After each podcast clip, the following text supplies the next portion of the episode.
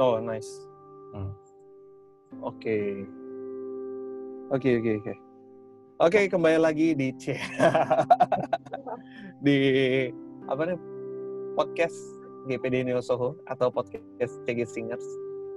Kita hari ini mau ngomong apa nih, Bro? Ngomongin toxic positivity. Toxic positivity.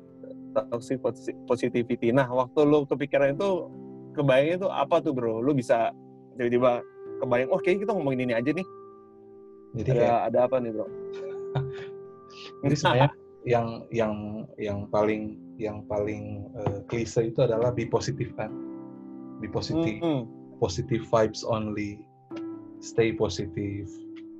ya. Tapi ada situasi-situasi di mana it's okay not being positive, Hmm, benar. but being Benar. real. Stay true to Being yourself. real. Stay As long as masih di dalam ketik masih dalam koridor ini ya, jangan sampai negativity atau eh, realis ya kita realistis itu asal asal jangan sampai membawa kita dalam dosa. Ya. Terus Itu berarti lo lagi ngomongin soal embracing our situation kan? embracing our situations. Tapi our- bukan berarti kayak lantas kayak akan ada tuh ya bro ya orang-orang yang kayak terlalu embrace dia punya sadness malah akhirnya tenggelam di situ. Tau nggak lo? Hmm, Oke dia iya. paham nih, gue nggak boleh toxic to myself gitu kan. Tapi akhirnya dia terlalu embracing. Gue pernah ngerasain tuh bro, gue terlalu embracing uh, keterpurukan gue. Akhirnya makin hilang juga sih, gitu kan. Nah, di situlah sebenarnya butuh kayak butuh komunitas, butuh Hmm. orang-orang yang bisa support. Ya. Ini kembali lagi kayak eh, harus satu pemahaman dulu nih bahwa di dalam komunitas itu harus pemahaman bahwa ya nggak selamanya lu memberi advice atau lu menerima mendengarkan orang dan memberikan saran secara positif itu necessarily akan ber- berimpact positif. Kadang ya orang-orang yang cerita itu mereka cuma butuh didengarkan. Yang Iya. didengarkan dan kayak mereka tuh pengen ya dia itu pengen mencoba embracing his or her pain dan mencari eh, orang untuk mensupport dia bukan Iya. untuk eh, lecturing untuk mengajari Sering. apa namanya? uh, apa?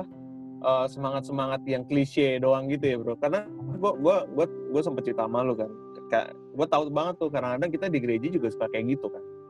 Kayak kita know ourselves being Christian, terus kita tahu teman kita lagi ada masalah, terus kita dengan mudahnya kita bilang, yaudah bro, apa pun itu tetap semangat ya, percaya aja Tuhan pasti buka jalan, tanpa kita benar-benar berempati, kita kayak cuma berhenti di simpati doang gitu, bukan Hmm. nyebut brand ya, maksudnya berhenti di simpati, lantas lupa berempati dan kita nggak tahu, akhirnya kita cuma ngeluarin eh, ucapan-ucapan klise gitu, karena bawa ayat Alkitab lagi, padahal kita nggak tahu konteksnya apa. Gitu.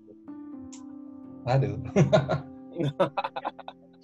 ya Gitu. tak mirisnya sih banyak banyak yang seperti itu Hmm. nggak tahu sih em, kan motivasi orang tuh beda-beda nggak tahu Iya. mungkin orangnya memang memang seperti itu mungkin ya ada ada beberapa orang yang memang mungkin seperti itu bawaannya emang positif aja positif terus Hmm.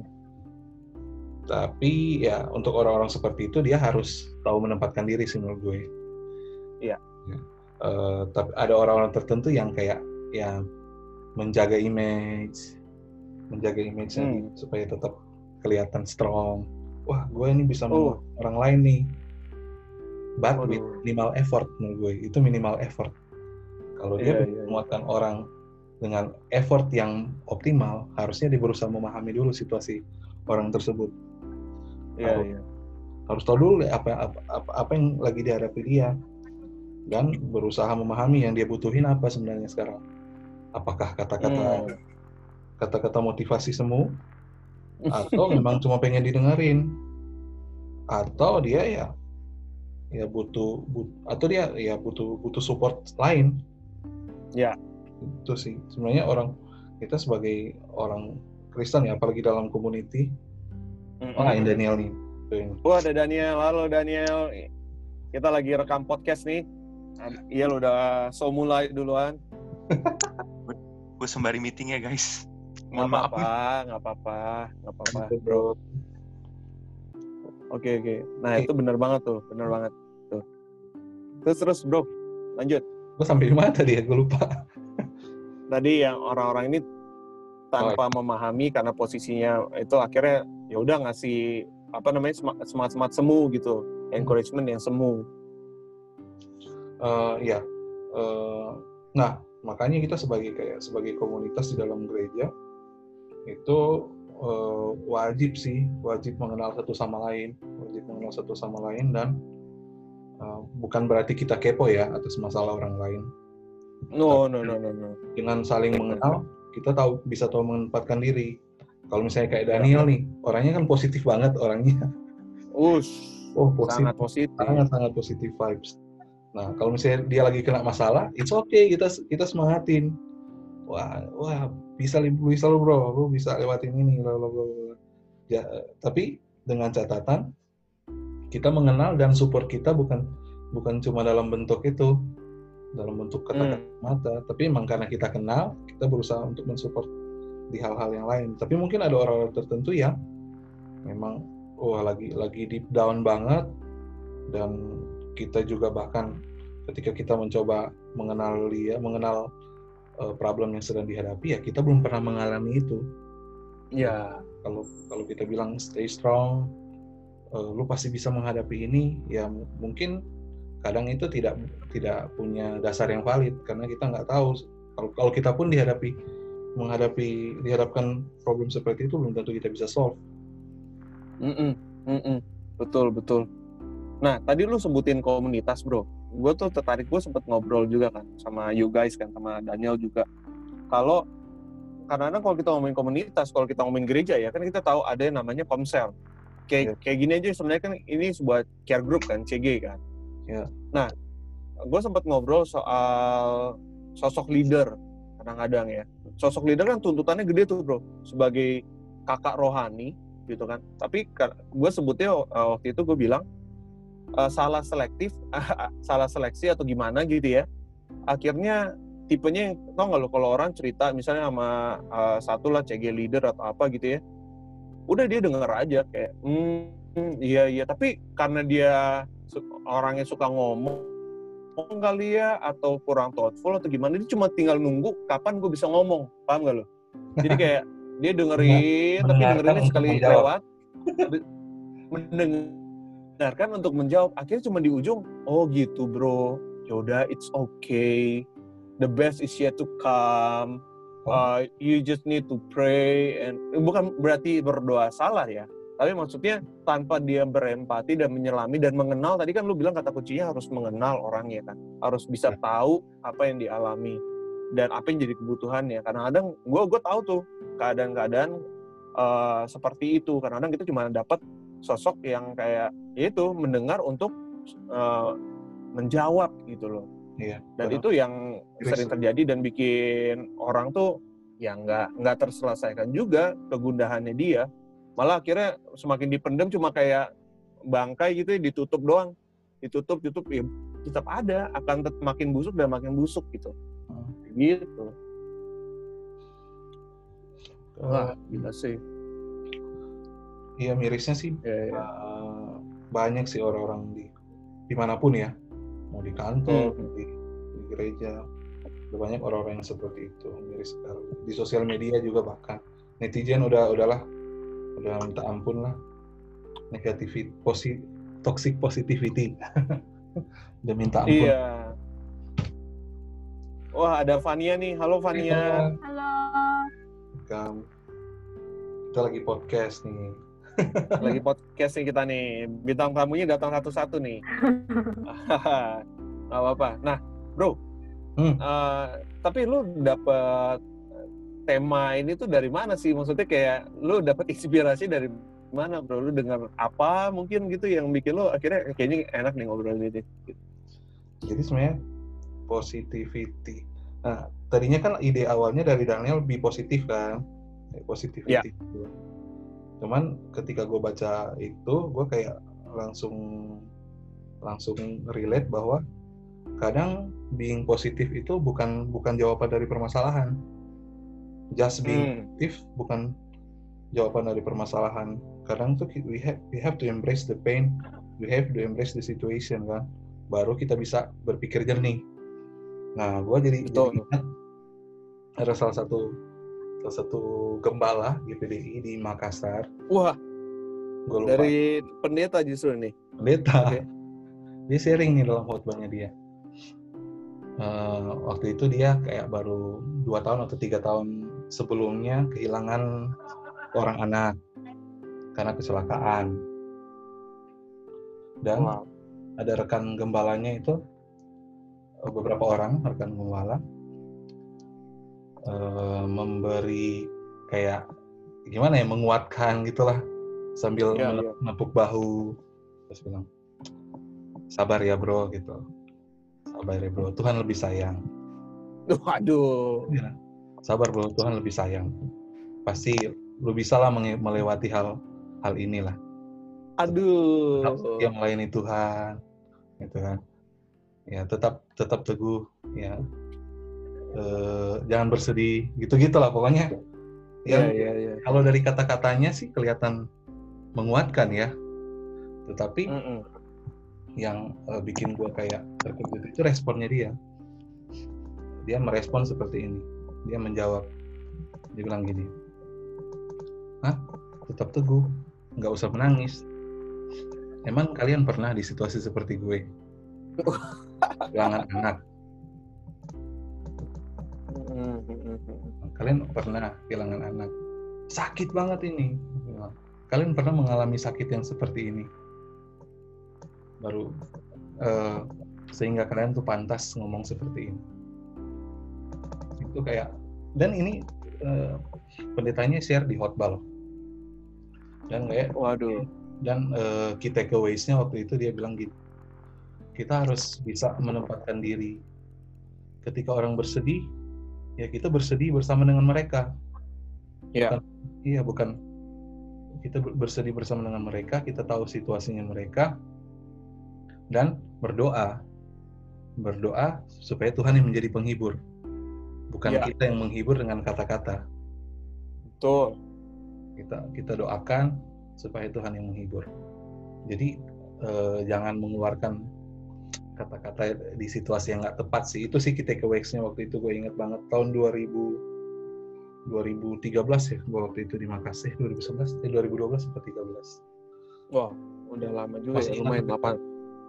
gue masih ingat karena dia ngomongnya seperti itu Nah, Em, sekarang kita tahu sebutannya ucapan-ucapan yang kurang berempati itu adalah toxic positivity ya. nah, waktu itu gue belum tahu istilahnya apa Iya, sekarang kita tahu. Nah, gue kalau ngomongin ini ya, dan kita karena kita podcast juga podcast gereja nih. Sebenarnya kalau kita lihat di firman Tuhan juga, even Jesus ngerti ini. Jangan toxic positivity. Ingat gak yang kejadian uh, Lazarus uh, meninggal gitu ya? Ya terlepas dari di, disebut Tuhan sengaja uh, memperlama stay dia di di kota yang lain gitu kan ya waktu dia datang, waktu dia ngelihat Maria dan Marta sedih, kita tahu itu jadi ayat yang paling pendek kalau nggak salah ya, if I'm wrong. Paling pendek. Paling pendek di di di Alkitab yaitu dan menangislah Yesus. Dan Jesus wept. Bahkan Yesus aja tahu bahwa it takes more than just bah, padahal dia bisa dia tahu dia akan bangkitin Lazarus. Hmm, tapi Yesus nggak memilih untuk kayak udahlah tenang aja bentar lagi gue bangkitin nih. Kagak. Dia memilih untuk kayak berempati. Dia menangis dulu gitu loh. Memahami kondisinya Maria dan Marta gitu kan. Kehilangan seseorang yang mereka sayang yang juga Yesus sayang pada waktu itu kan. Baru akhirnya comes the penghiburan at that time penghiburannya benar-benar dibangkitin gitu kan. Hmm. kayak gitu. Ya bahkan Yesus aja paham gitu. Kadang-kadang ya kita ketemu orang-orang sekeliling kita ya nggak harus di gereja ya tadi lu bilang di kantor atau di mana pun kurang memahami tuh bro kayak gitu. Terus memahami apa harus memahami orang yang kita dengerin lawan eh, bicara kita sebelum kita ngasih apa pun pertolongannya itu ya. Gitu. Gua keinget aja nih tiba-tiba.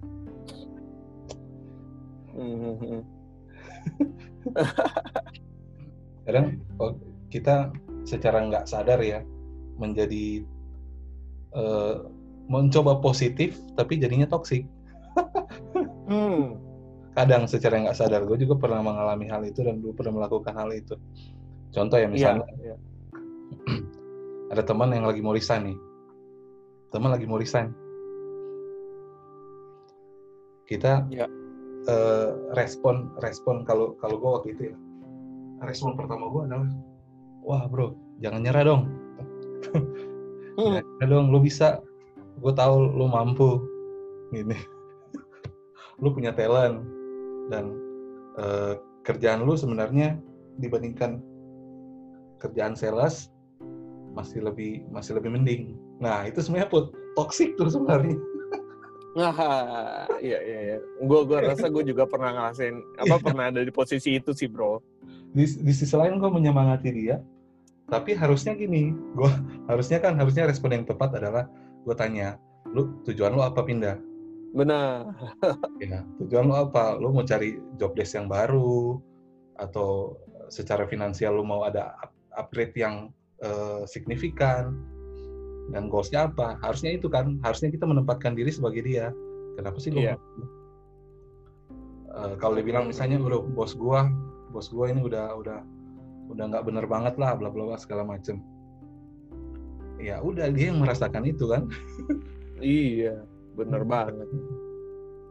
Bener banget. makanya kalau sekarang sih kalau temen gue mau resign ya udahlah. Emang emang eh, jalan lu, lu yang memutuskan kan. Cuman Iya. yang gue bisa lakukan adalah gue mengingatkan dia tujuannya dia. Yang sampai cuma pindah cuma gara-gara emosi. Kalau dia ada tujuan tertentu oh gue selain ya emang karena udah nggak enak tetapi di kantor yang lebih baru ini gue bisa dapat fasilitas bla bla bla bla bla. Terus dia Hmm. karir gue lebih cepat segala macam kan ya it's good for him. Walaupun kelihatan di mata perusahaan kelihatan wah loncat loncat loncat loncat kelihatan negatif Hmm. tapi buat dia itu positif sebenarnya Iya, bener. Setuju gua. Setuju banget. Gue kayaknya pernah ngalamin deh ya. Jadi kayak waktu itu tuh gue eh, ada temen gue sama di kantor mau resign karena gue gue lumayan sayang banget sama teman-teman gue di kantor ya. Apalagi yang deket gitu ya. Kalau mau resign tuh gue selalu datengin. Pasti gue akan cari dia dan gue akan ngobrol. Nah di awal-awal gue kayak lu tadi tuh "Eh, kenapa sih bro? Segala apa Eh, tapi lebih yang kayak langsung udahlah jangan resign atau apa gitu kan. Tapi akhirnya gue baru tuh belajar untuk kayak nanyain sama dia eh lo resign kenapa sih? Jadi bukan dimulai dengan omongan gue tapi gue pengen dengerin dulu gitu. Dan akhirnya dia cerita sih. Emang gue akhirnya setelah memahami gue sempat bilang kayak ya sayang banget ya padahal gue masih butuh lo di sini gitu kan. Karena kalau di kantor gue kan di agency gitu gue kan as strategis ya. Strategis itu kan butuh banyak kaki tangan ya bro dari departemen lain. Dan gue butuh nih orang ini gitu kan. Tapi ya itu setelah gue dengar dan akhirnya gue paham tuh at that time dia butuh penghasilan lebih untuk mem- membiayai kebutuhan keluarganya. Ya akhirnya oh ya udah deh kalau kayak gitu nggak apa-apa bro. Eh, pokoknya benar-benar deh gue eh, berharap pi- pilihan lu adalah pilihan yang terbaik. Gue support lu lah ke mana pun lu pergi apa pun yang lu lakuin gitu kan ya. Selama keputusan lu jelas gue gua support lu lah gitu. Akhirnya berubah tuh. Dari toxic positivity benar-benar akhirnya uh, mencoba stepping in his shoe gitu loh. Hmm, iya iya iya. Iya iya. Paham sih. Paham paham. Eh, teman-teman lain ada emosian nggak? iya boleh boleh. Pernah mengalami juga merasa wah ini orang sok positif tapi sebenarnya toksik di kehidupan gue Ah, sadar atau nggak sadar ya nggak sadar atau nggak atau pernah melakukan silakan kalau ada yang mau share Fania nih baru pertama aja eh 89 Iya, iya. Gua ada sih tapi nanti aja ya. Takut. Gua akhir-akhir aja. Semoga cepet nih kelar. Takutnya apa-apa bro tiba-tiba dan yang ngomong. Santai bro. Boleh boleh. Santai santai. 89 satu Eh, delapan siapa sih? ini siapa nih? 891 kayak nomor SMS ini. Ah, Re, eh, Rex pasti apa gitu. 891798 Halo dengan 891 siapa apa apakah sih? ini? passwordnya apa? Passwordnya apa? Seperti apa? Aduh. Wah hilang bro. Eh ada nggak? Masih ada. masih ada. Siapa nih? Aku masih di jalan. Oh Kak Oh, Ebi. Nggak apa-apa Kak Ebi, santai-santai. apa sambil menyimak itu nggak apa-apa. Ya, Lagi nyetir ya? Jangan sambil megang handphone kalau lagi nyetir. enggak sih, enggak nyetir, cuma HP-nya lowbat. Oh nggak apa-apa, nggak apa-apa. Oke. Santai-santai. Jangan buru-buru. iya iya iya iya benar.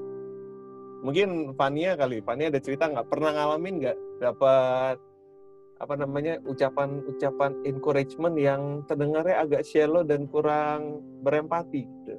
Dan akhirnya nggak punya dampak apa-apa juga, malah jadi ofensif dan distraktif buat yang dengar. apa ya belum kepikiran sih dari tadi lagi mikir nggak kepikiran Oh nggak apa-apa, Nggak apa-apa. nggak apa-apa, santai santai. Santai santai. Iya iya. Eh tadi kita juga ngobrol ini ya. Le. kadang-kadang tadi kita ngomongin bi, bi positif. Nah eh, lu pasti ya kita semua pasti pernah dengar ya. Kadang-kadang kita tuh selalu dikasih eh, apa namanya encouragement atau bahkan kita ngomong ke diri kita sendiri nih. Karena kadang toxic juga Nah. bisa ke diri kita sendiri kan. Kayak kita bilang oh yaudah kita harus selalu bersyukur gitu. It- ya itu nggak ada yang salah dengan bersyukur. Karena emang diajarkan yang kita harus selalu bersyukur. Tapi kadang-kadang kayak kita tuh belum belum acknowledge gitu dulu loh apa yang jadi masalah kita apa yang kita bikin bikin kita sedih. Ya, mungkin kita lagi yang kayak kehilangan tadi kehilangan orang yang kita sayang lantas oh udah bersyukur aja bersyukur aja. Tanpa sadar kita jadi tanpa embracing perasaan kita dan situasi kita ya kita jadi being toxic to ourselves gitu. Iya. nah menurut lu gimana bro? Itu bisa leads to mental illness sih menurut gue. Bisa hmm. uh, damaging our our mental dan uh, mungkin mungkin ya gua nggak tahu pastinya mungkin salah satu penyebab banyak orang bunuh diri atau jatuh terhadap uh, adiksi terhadap sesuatu narkoba free sex segala macam mungkin ya gara-gara itu Um, Hmm. mereka tuh sementara mengalami pain, whatever the pain ya, kehilangan seseorang, keputus cinta, bangkrut atau apa, mereka nggak embrace tetapi mencari pelarian atau menutupi itu dengan positivity yang semu. Hmm. Jadi Hmm. eh, ya itu tadi toxic positivity terhadap diri sendiri.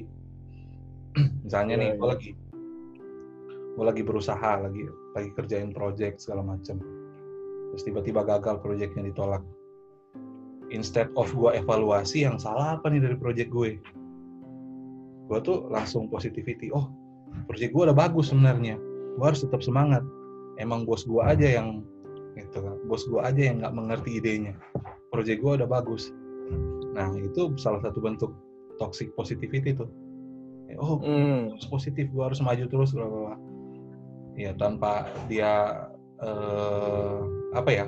Jadi positivity atau kalau bahasa lo tadi bersyukur yang tidak didasari oleh eh, kesada- kesadaran akan posisinya lagi di mana nih sebenarnya gue. Hmm. Dan apa yang harus disyukuri? Kadang-kadang kita Hmm. ngambang tuh. Yaudah Betul. bersyukur aja apa yang disyukuri gitu kan. Tanpa kita sadar kayak misalnya contoh ya. eh, kayak misalnya oh, gue habis bangkrut gitu kan. Yaudah bersyukur aja gitu. Ada orang lebih susah daripada gue gitu. Kadang-kadang jadi terlalu malah ngebandingin diri ke orang lain instead of ngeliat ke diri sendiri dulu. Gitu. Oh yaudah kayak misalnya ya udah mendingan kayak embrace dulu aja kayak ya udah gue bangkrut nih kayaknya gue buat salah apa ya waktu itu ya apa yang sudah terjadi gitu kan baru kayak tadi lu bilang tenangin diri dulu coba berdamai sama diri sendiri dulu baru bisa tenang pikirannya berdoa dan akhirnya bisa menemukan hal-hal yang bisa di- disyukuri sebenarnya Hmm. Setuju. Hmm. kan kalau kalau misalnya kita browsing browsing ya mengenai toxic positivity itu di opposite kebalikannya itu pasti eh, validation and support support and validation jadi kadang oh nah sebenarnya kita tuh dengan dengan dua dengan dua eh, dua dua kata ini kita tuh bisa langsung mengevaluasi apa yang sebelum kita mel- me- melontarkan perkataan ya atau sebelum kita mensugesti diri kita kita tuh harus harus lihat kedua kata ini. Support and validation. Contoh ya orang lagi ngalami ngalami, ngalami kesusahan misalnya lagi nggak ada duit masa kita suruh berdoa doang kan? Berdoa Tuhan pasti bantu gitu kan doa eh, pakai tuh lutut kalau orang nado bilang pakai tuh lutut. Oh, doa Tuhan pasti banget ya. tenang jangan. Duh. Padahal sebenarnya? Sebenarnya kita harus harus berdiri di standpoint ini support and validation. Kita validasi dulu nih situasinya oh dia emang lagi susah lagi nggak ada duit. Jadi kita kita kita bikin orang itu eh, mengerti kenapa dia lagi nggak ada duit. We validate we validate Aha. oh ya oke. Lu lagi nggak lagi susah gini gini baru support. Supportnya itu ya we do what we can do. Jadi kayak Iya. ya, jangan langsung ke raja terakhir suruh berdoa. Kita kita itu dulu dong laku, lakuin dulu dong. Eh gue bisa bantu berapa misalnya. Gue cuma bisa bantu segini nih. Gitu. lu lu nggak nggak usah balikin lah. Anggap aja gue bantu Hmm. gini tapi ya lu tetap harus berdoa ya karena yang bisa ngeluarin lu dari masalah ini cuma Tuhan gue cuma bisa bantu segini ya itu kan outputnya akan lebih akan lebih impactful kan Mm-mm. orang itu kan Setuju gua. dibanding kayak wah gue pernah juga kok kayak lu nggak ada duit terus gue berdoa Iya, aduh. Waduh. itu very, very toxic. Satu hal satu hal utama dia nggak mau tahu sih lu lu pernah mengalami hal seperti itu atau enggak Iya, iya, iya, iya. yang kedua itu nggak membantu sama sekali Doa. Iya, iya. kadang kadang kadang kayak gitu ya emangnya Nah, Kadang-kadang kayak gitu tuh juga nggak disengaja, bro. Kadang-kadang Iya. pertemanan juga jadi kayak gitu tuh. Iya. Dia nggak nggak sengaja tuh sebenarnya. Untuk jadi kayak tadi mendengar untuk menjawab tuh nggak sengaja sebenarnya. Kayak misalnya lu nih, ya lu kena masalah atau Daniel kena masalah. Kalian temen gua gitu. Terus gua kayak karena gua tahu lu dapat masalah, kena masalah, ya udah gua ya udahlah, ayo gua harus ngomong sama Daniel atau ngomong sama Iel nih. Habis itu ngomongnya juga nggak lama-lama banget, nggak nggak deep deep banget, buru-buru untuk ngasih tadi ngasih jawaban raja terakhir itu atau semangat semangat yang semua itu sebenarnya nggak sengaja mungkin juga sebagai teman ya kadang-kadang ya kalau memang kita tahu teman kita ada masalah yang nggak harus kok at that same moment kita langsung kontak dia kalau kita masih belum bisa misalnya ada waktu untuk dengerin dia untuk memahami dia mungkin kita juga lagi kalut kepala kita gitu loh. Mungkin ya itu itu gua tiba-tiba kepikiran aja kadang-kadang nggak disengaja bro. Maksudnya juga baik sebenarnya. Nggak ada maksud untuk jadi toxic juga gitu. Iya sih. Itu sih. That's why kita butuh sharing-sharing kayak gini sih. Supaya kayak hmm. oh iya iya bener ya. Gue gue ternyata waktu itu toxic makanya dia jadi bete sama gue walaupun niat kita positif sebenarnya. Cuman ya ya itulah manusia ya. Ya gimana ya bro ya? Iya iya. Gimana? Ada yang udah kepikiran sesuatu untuk di share boleh silakan. Daniel kalau mau nanti share-nya nggak apa-apa. Se- sembari meeting nih. Iya. Orang sibuk orang sibuk. Nggak apa-apa santai. Kalau kita kayaknya dong, bukan oh oh, ya boleh boleh. Boleh nggak? Boleh boleh dong Eh, aku mau nanya kalau misalnya kan ada istilah tuh fake it till you make it. Itu toxic positivity bukan? take Apa? it take it Fake fake it till you make it. fake it till you make it Iya. Ah, aduh gue Fake pernah dengar sih tapi itu gue gue pengen coba di, dijelasin deh apa yang yang yang uh, Fania tangkap terkait itu apa Kayak misalnya eh, gimana ya? Eh, fake it till you make it. Eh, kayak gini nih. eh, pengalaman aku sendiri sih. Kan aku Hmm. baru selesai skripsi nih. Terus Hmm. eh, aku selama skripsi itu ngerjainnya over banget kayak aku harus dapat nilai yang perfect gitu jadi kayak eh, aku tahu kayak aku aku tuh udah lelah terus sampai sakit juga gitu kan cuma demi aku dapat nilai yang bagus jadi aku harus fake it till I make it jadi kayak aku harus tetap bisa eh, bisa bisa apa namanya bisa berjuang bisa kerjain sampai begadang malam-malam gitu supaya dapat nilai yang memuaskan gitu Hmm. Hmm, hmm, hmm. kayak gitu sih Jadi kita kayak sok kuat gitu ya. Apa? Sampai mau iya iya iya kelihatan biar orang-orang gitu lihat kita tetap kuat gitu ya. Padahal udah sebenarnya Iya. udah udah capek banget gitu ya. Iya tuh Mm-mm, kayak gimana tuh Pak. Hmm, hmm, hmm. Gimana bro? Iya. Kayak kita hidup dengan quotes quotes ya sekarang. Iya hidupnya pakai quotes. Gimana bro? Iya itu gua gua bisa relate sih. Tapi menurut lu gimana bro? gua gua pernah mengalami hal seperti itu pernah sebenarnya gini kembali ke tujuannya sih tujuannya Vania sebenarnya apa? Pengen dapat nilai yang bagus supaya apa? Pengen membanggakan supaya dia supaya Sup- men- menjadi pembuktian. Sebenarnya jadi pembuktian sih sebenarnya. Hmm, jadi pembuktian. Sebenarnya Pembuktian ke diri sendiri atau diri Siapa? sendiri. Oke? Oke, ya menurut gue sih kayak yang tadi ya kita kembali ke yang dua kal- dua kata yang tadi ya support and validation. Pertama kita validate dulu tujuannya kita apa sebenarnya, Hmm. nilai yang bagus dan I know for sure this is gonna be positive for me in the future. Hmm. Jadi ya menurut gua itu fake it till till you make it kalau yang dalam definisinya Fania yang tadi menurut gua itu nggak nggak salah sih karena lu tahu persis apa yang lu kejar kan Lu iya tahu persis Hmm, apa yang hmm. lu kejar dan itu it's gonna be good in the future. Dan gue pernah mengalami itu sih.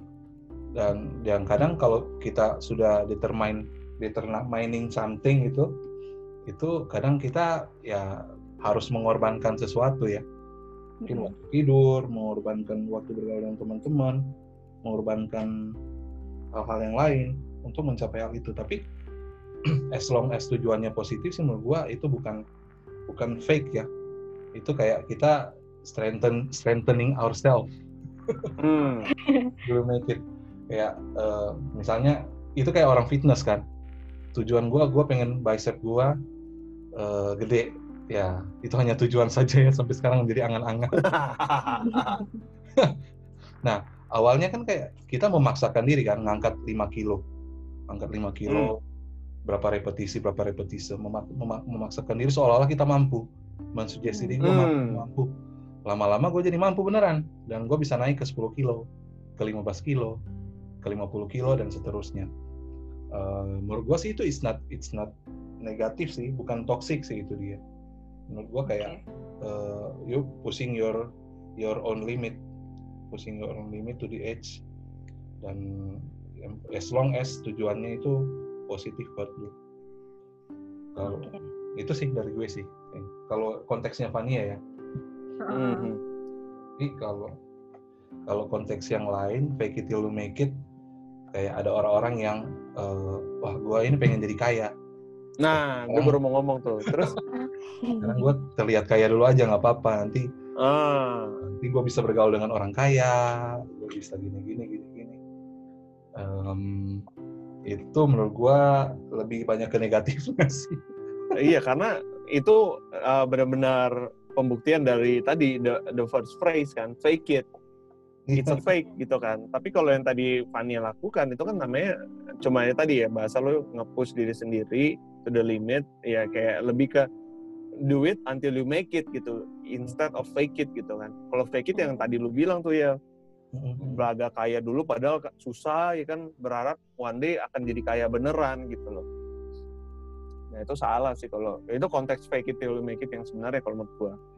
itu banyak MLM kayak gitu tuh eh sorry ya bukan mendiskreditkan MLM tapi banyak leader- leadersnya seperti itu mempersoalkan Iya, iya, iya. dirinya sebagai orang yang sukses punya banyak mobil banyak properti nggak tahunya masih kredit semua Ya gitu. Ya itu itu jelek banget sih. Itu itu toxic sih, toxic toxic. terhadap diri sendiri.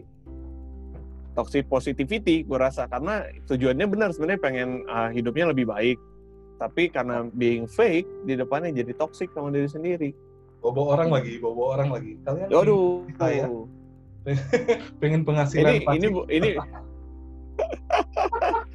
ini ini bukan berarti MLM-nya salah ya, bukan. Tapi kayak at- attitude orangnya saat dia pengen nge-push duluan image-nya itu udah salah. Ya, Kalau emang kayak MLM dijalanin, emang gue masih agak struggle nih, masih agak sulit ya nggak apa-apa tunjukin aja bahwa MLM itu tidak semudah itu, ya betul. gitu kan. Gitu. Tapi eventually lewat usaha itu ya bisa jadi ada rezekinya juga at the end of the day gitu kan. Gitu. Iya iya. iya. Benar-benar setuju gua. Daniel udah ngebuka mic-nya nih bro. Kayaknya dia udah mau open mic nih. Ini oh gua mute kan. Gua setuju sih tadi Adriel udah jawab yang dari pernyata pertanyaannya si si Vania kan. Fake it till you make it. Kalau misalnya case-nya yang penting benar kayak apa tadi va- validate and support ya. Maksudnya kayak gua kita lihat dulu objektif kita memang benar sih kayak lu melakukan ini untuk untuk apa gitu loh. Kalau memang untuk mendatangkan kebaikan ya gue percaya gitu loh, lu imani aja bahwa lu sanggup untuk melakukan ini, tinggal gimana kita melakukannya itu tinggal Tuhan yang atur. Misalnya contoh kayak, gue tertarik banget kayak tadi dia contohkan kayak, uh, lu fitness, lu angkat 5 kilo dulu. Gue langsung teringat, teringat sih, kayak di Alkitab pun ada gitu perumpamaan tentang talenta. Lu kalau misalnya lu tahu talenta lu cuma 5, dan lu cuma mau menyantai di 5, malahan akhirnya apa? Lu cuma menghasilkan 5 kan, padahal kan dari 5 lu bisa berlipatkan melipat kali gandakan hal itu. Jadi maksudnya kayak kalau kita pikir, aduh bisa nggak ya? Aduh gue harus maksa nih sampai nggak. Tadi kan Fanny bilang ya kayak nggak tidur ya. Well jangan sampai nggak tidur dan jadi sakit juga sih. Kayak ya tahu batas lah. Tapi maksudnya prinsipnya itu bener kayak lu chase something, lu berusaha, lu jadikan itu sampai lu dap- dapatkan hal itu. Tapi ingat ya intinya yang penting kita balik lagi objektif kita itu untuk mendatangkan kebaikan atau tidak. Kalau misalnya hanya untuk perkara perkara dunia yang bersifat fana yang bersifat nggak ada value untuk kemuliaan nama Tuhan why gitu kita harus kejar itu. Itu baru mungkin yang yang bisa bisa nyambung tuh kayak oh berarti lu ngapain ngelakuin ini gitu? Apalagi lu udah sampai menyakiti diri lu lu sampai kayak capek-capekin diri lu. Tapi kalau memang semua yang lu lakukan itu at the end juga untuk kemuliaan nama Tuhan ya silahkan gitu loh. Raih itu karena gue yakin juga Tuhan akan bimbing jalan lu untuk even lo harus struggling, banget ya pasti lo bisa achieve gitu itu sih tadi mau nambah-nambah gitu doang Hmm. Iya iya. Aha. Nah Daniel bisa ngomong gitu, dia nggak toxic positivity tuh bro, karena gue juga tahu dia juga pushing his limit, eh, eh, nggak selalu sih, dia juga tahu kapan limitnya udah nyampe gitu kan. Tapi udah benar si Daniel ini tipe orang yang kayak eh, selama gue masih bisa, gue akan lakuin. Jadi waktu dia ngomong kayak tadi, gue gue tahu bahwa itu bukan sekedar om omongan doang. Betul. Bapak Daniel yang karena karena kayak gue setahun ini juga gitu kayak kalau Sony kan contohnya skripsi gue ya dalam hal kerjaan memang secara hours mungkin sama gitu kayak gue dari enam tahun yang lalu kerja selalu pulangnya lembur-lembur mungkin memang makin ke sini makin naik-naik dikit sih jam pulangnya gitu makin makin pagi gitu. Tapi kayak udah udah biasa lah. Cuman gue nggak bisa pungkiri uh, outcome gue maksudnya apa yang gue berikan itu emang gue harus push karena itu emang uh, emang ditargetkan oleh atasan gue gue harus bisa bisa naik level lagi dan dan ya dari hari pertama gue dikasih challenge itu gue udah bawa dalam doa sih. Maksudnya Tuhan kalau memang memang engkau mau Tuhan gue di situ juga Tuhan. Eh, gue bilang gue mau gitu loh maksudnya. Karena kan siapa sih nggak mau kerja lebih baik lagi gitu. Nah Hmm. ya udah gue jalani dan gue push myself. Ya puji Tuhannya ya memang akhirnya dapet gitu loh. Maksudnya kayak gue gue berhasil gitu untuk untuk menjawab challenge itu. Nah apakah itu toxic positivity? I don't think so ya. Malahan itu betul. itu itu apa ya gue bisa bilang ya? Kalau bukan toxic positivity tapi ya ya kayak cambuk untuk lebih baik lagi aja gitu itu positively yang yang sakit kayak lu harus berusaha payah tapi lu mencapai sesuatu yang positif bahkan gitu Mhm.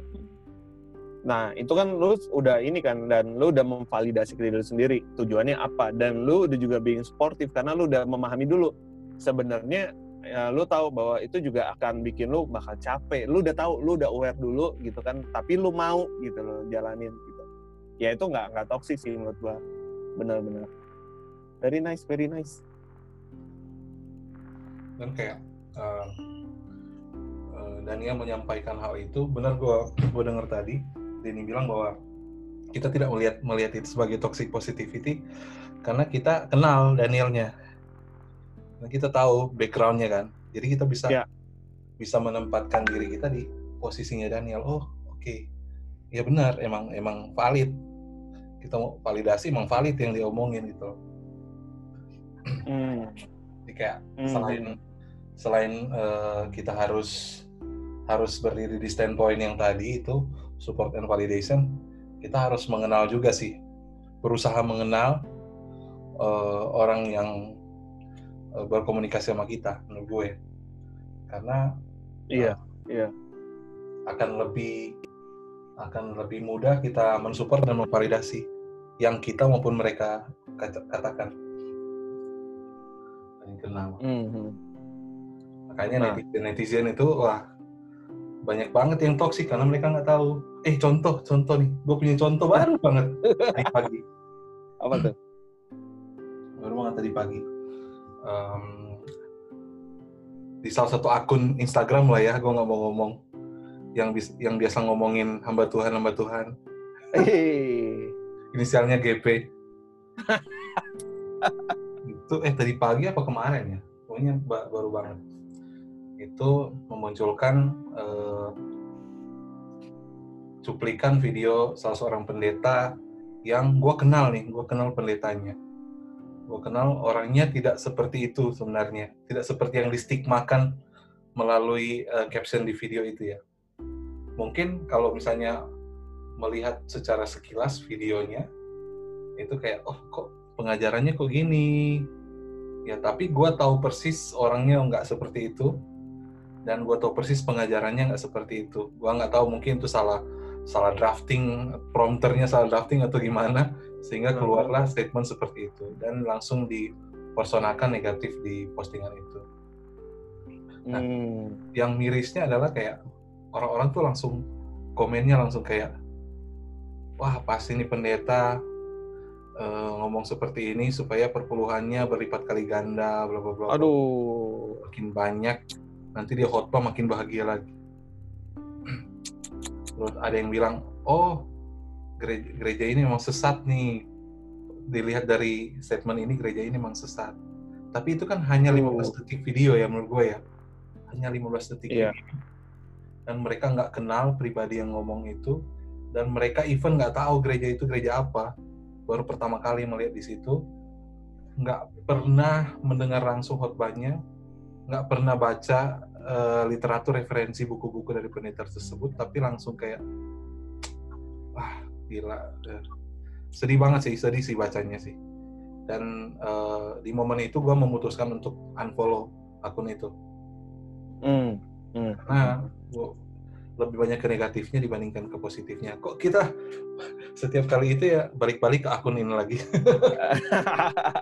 tapi, ada Tapi momen ya- tadi tuh gua gua menjawab kayak eh, ada ada eh, komen yang bilang gini pasti nih ma- maunya perpuluhan lebih banyak lebih banyak nih supaya makin kaya pendetanya gue langsung Aduh. komen gini eh, menurut anda yang banyak itu berapa?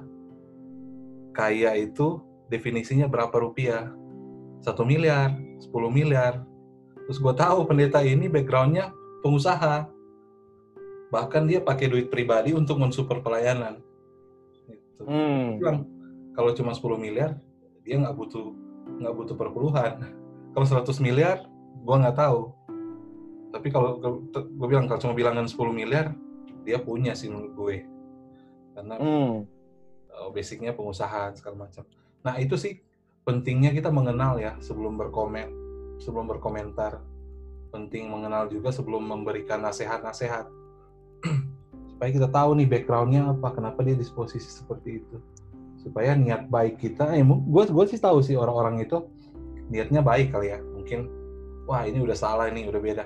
Kalau dari sudut pandang gue dia udah tidak udah tidak biblikal gue harus meluruskan. Positif kan kelihatannya kan? Komen kasih ayat bla bla bla bla bla. Tetapi ada satu yang missing. Mereka tuh nggak kenal pendetanya. Mereka nggak tahu. Mereka nggak even not research nggak research. Padahal literaturnya ada semua. Langsung keluar komen. Hmm. ya relasinya dengan toxic positivity itu sih kadang kita kayak ada orang-orang yang lagi terpuruk. Kita dengan mudahnya bilang wah lu pasti bisa lewatin ini bro gue pernah lo Hmm. lewatin ini lu juga pasti bisa lu berdoa aja bla bla tanpa kita berusaha Aduh. memahami Ya, ya. dia posisinya seperti apa backgroundnya apa terus ya kondisi finansialnya seperti apa ya nggak fair sih menurut gue jadinya toxic Mm-mm, mm-mm. Mungkin itu pentingnya ini kali ya, teman-teman. Eh, kayak kita selalu tahu tadi kita udah sebut beberapa kali tentang namanya community. Itu kan dari kata commune, benar-benar kita menyatu gitu, commune. yes Dan apa namanya? Kadang-kadang kita suka nyaru tuh antara community sama cuma sekedar kumpul atau gathering doang. Kalau gathering kan kita nggak ada kedekatan kadang-kadang kita kelihatannya ngumpul aja tapi tidak ada uh, commune prosesnya gitu loh kita nggak benar-benar commune gitu loh ya itu mungkin jadi note buat kita semua juga ya saat nanti uh, kan kita selalu sebutkan di wadah kita atau di service kita di gereja kita yang kita sebut uh, kita pengen uh, wadah ini menjadi life changing community. Nah gimana kita bisa life changing ourselves dan orang lain ya dengan benar-benar commune dengan benar-benar kita engage dan memahami orang mengenal orangnya itu supaya bisa support dengan benar gitu bisa memvalidasi things gitu instead of cuma kelihatannya ngumpul-ngumpul tapi sebenarnya jauh dan akhirnya toxic positivity itu yang terumbar gitu kayak gitu sih gue jadi kebayang aja Mm-mm. mana Fania terjawab nggak pertanyaannya oh iya iya dari Fania tadi Terjawab, terjawab kok. Thank you. Pertanyaan lain nanti kakak Denny yang menjawab Aduh. Kan gitu dong. Eh guys, by the way gue nanti kayaknya harus caps duluan jam sekitar jam sembilanan lah gitu. Hmm. Istri memanggil soalnya. Hmm, oke Kalau apa ada Kak Daniel, ada Kak Daniel di sini. Gimana teman-teman ada yang mau nanya lagi? Boleh.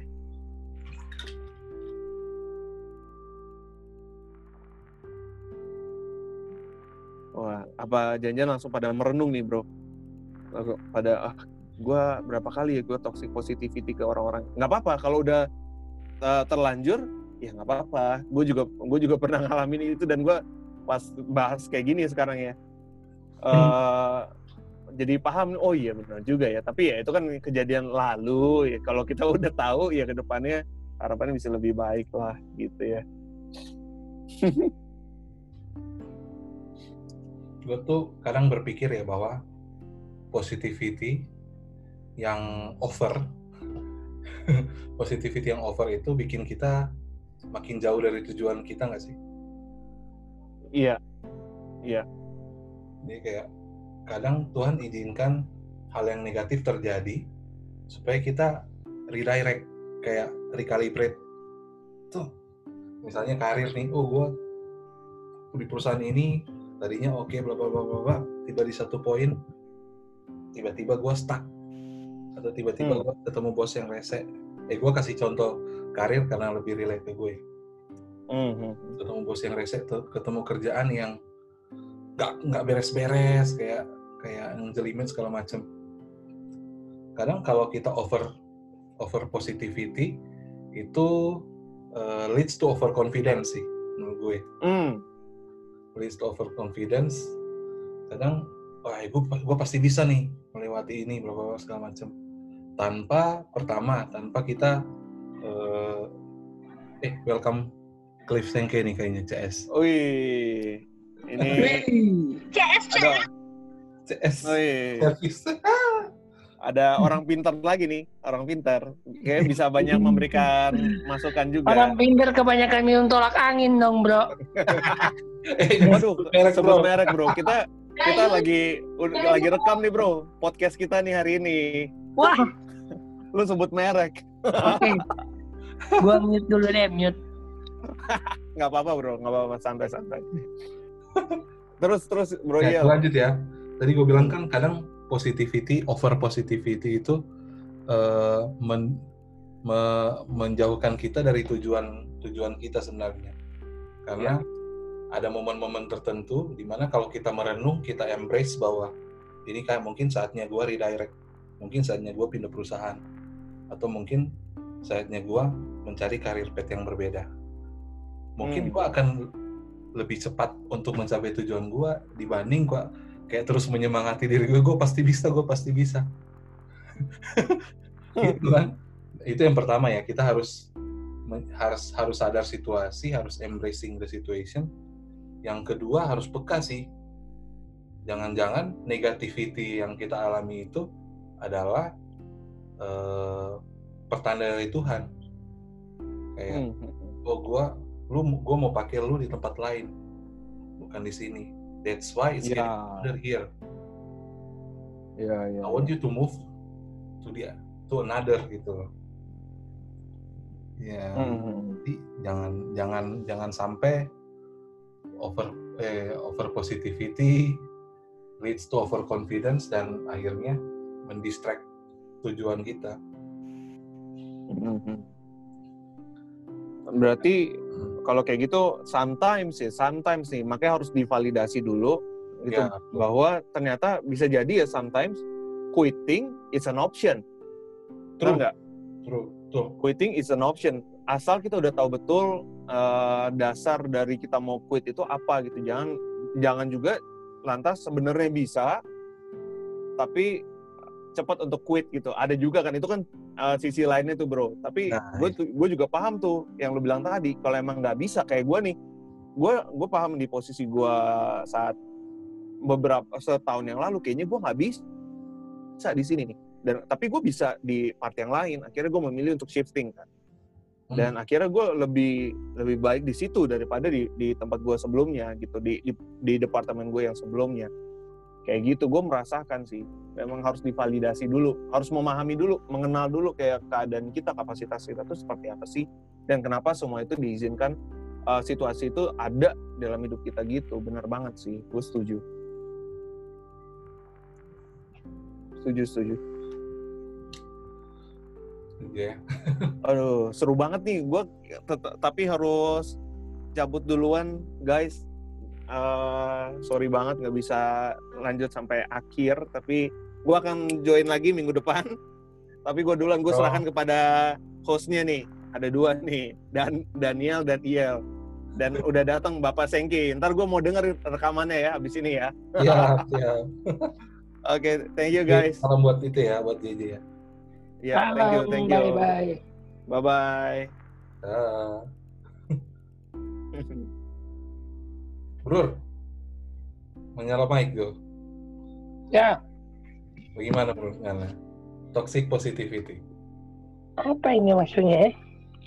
Jadi toxic positivity ini lebih ke kayak kita memberikan misalnya memberikan encouragement kepada orang di saat yang nggak tepat. Akhirnya instead of membuat dia semangat, itu malah menjadi toxic. Jadi kayak malah jadi ma- malah nambah-nambah bebannya dia aja sih. Iya. Dan kadang itu kita toxic positivity ke diri sendiri. Kayak, wah ya, positive thinking terus, positive thinking.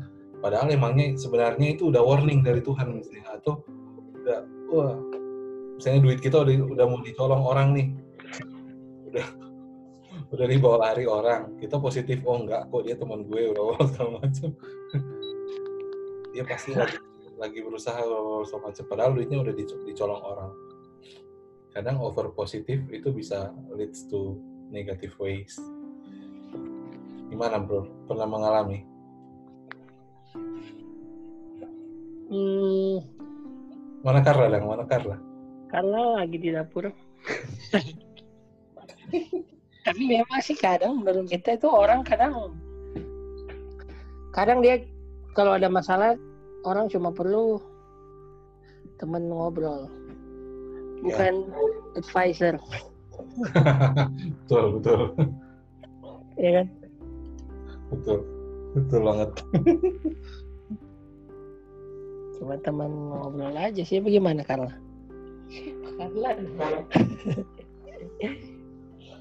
Iya Tuh menyala video bagus ini dia. Terus ada Carla. Supaya ada, ada kelihatan ekspresinya. Kita cuma pakai HP. Oh,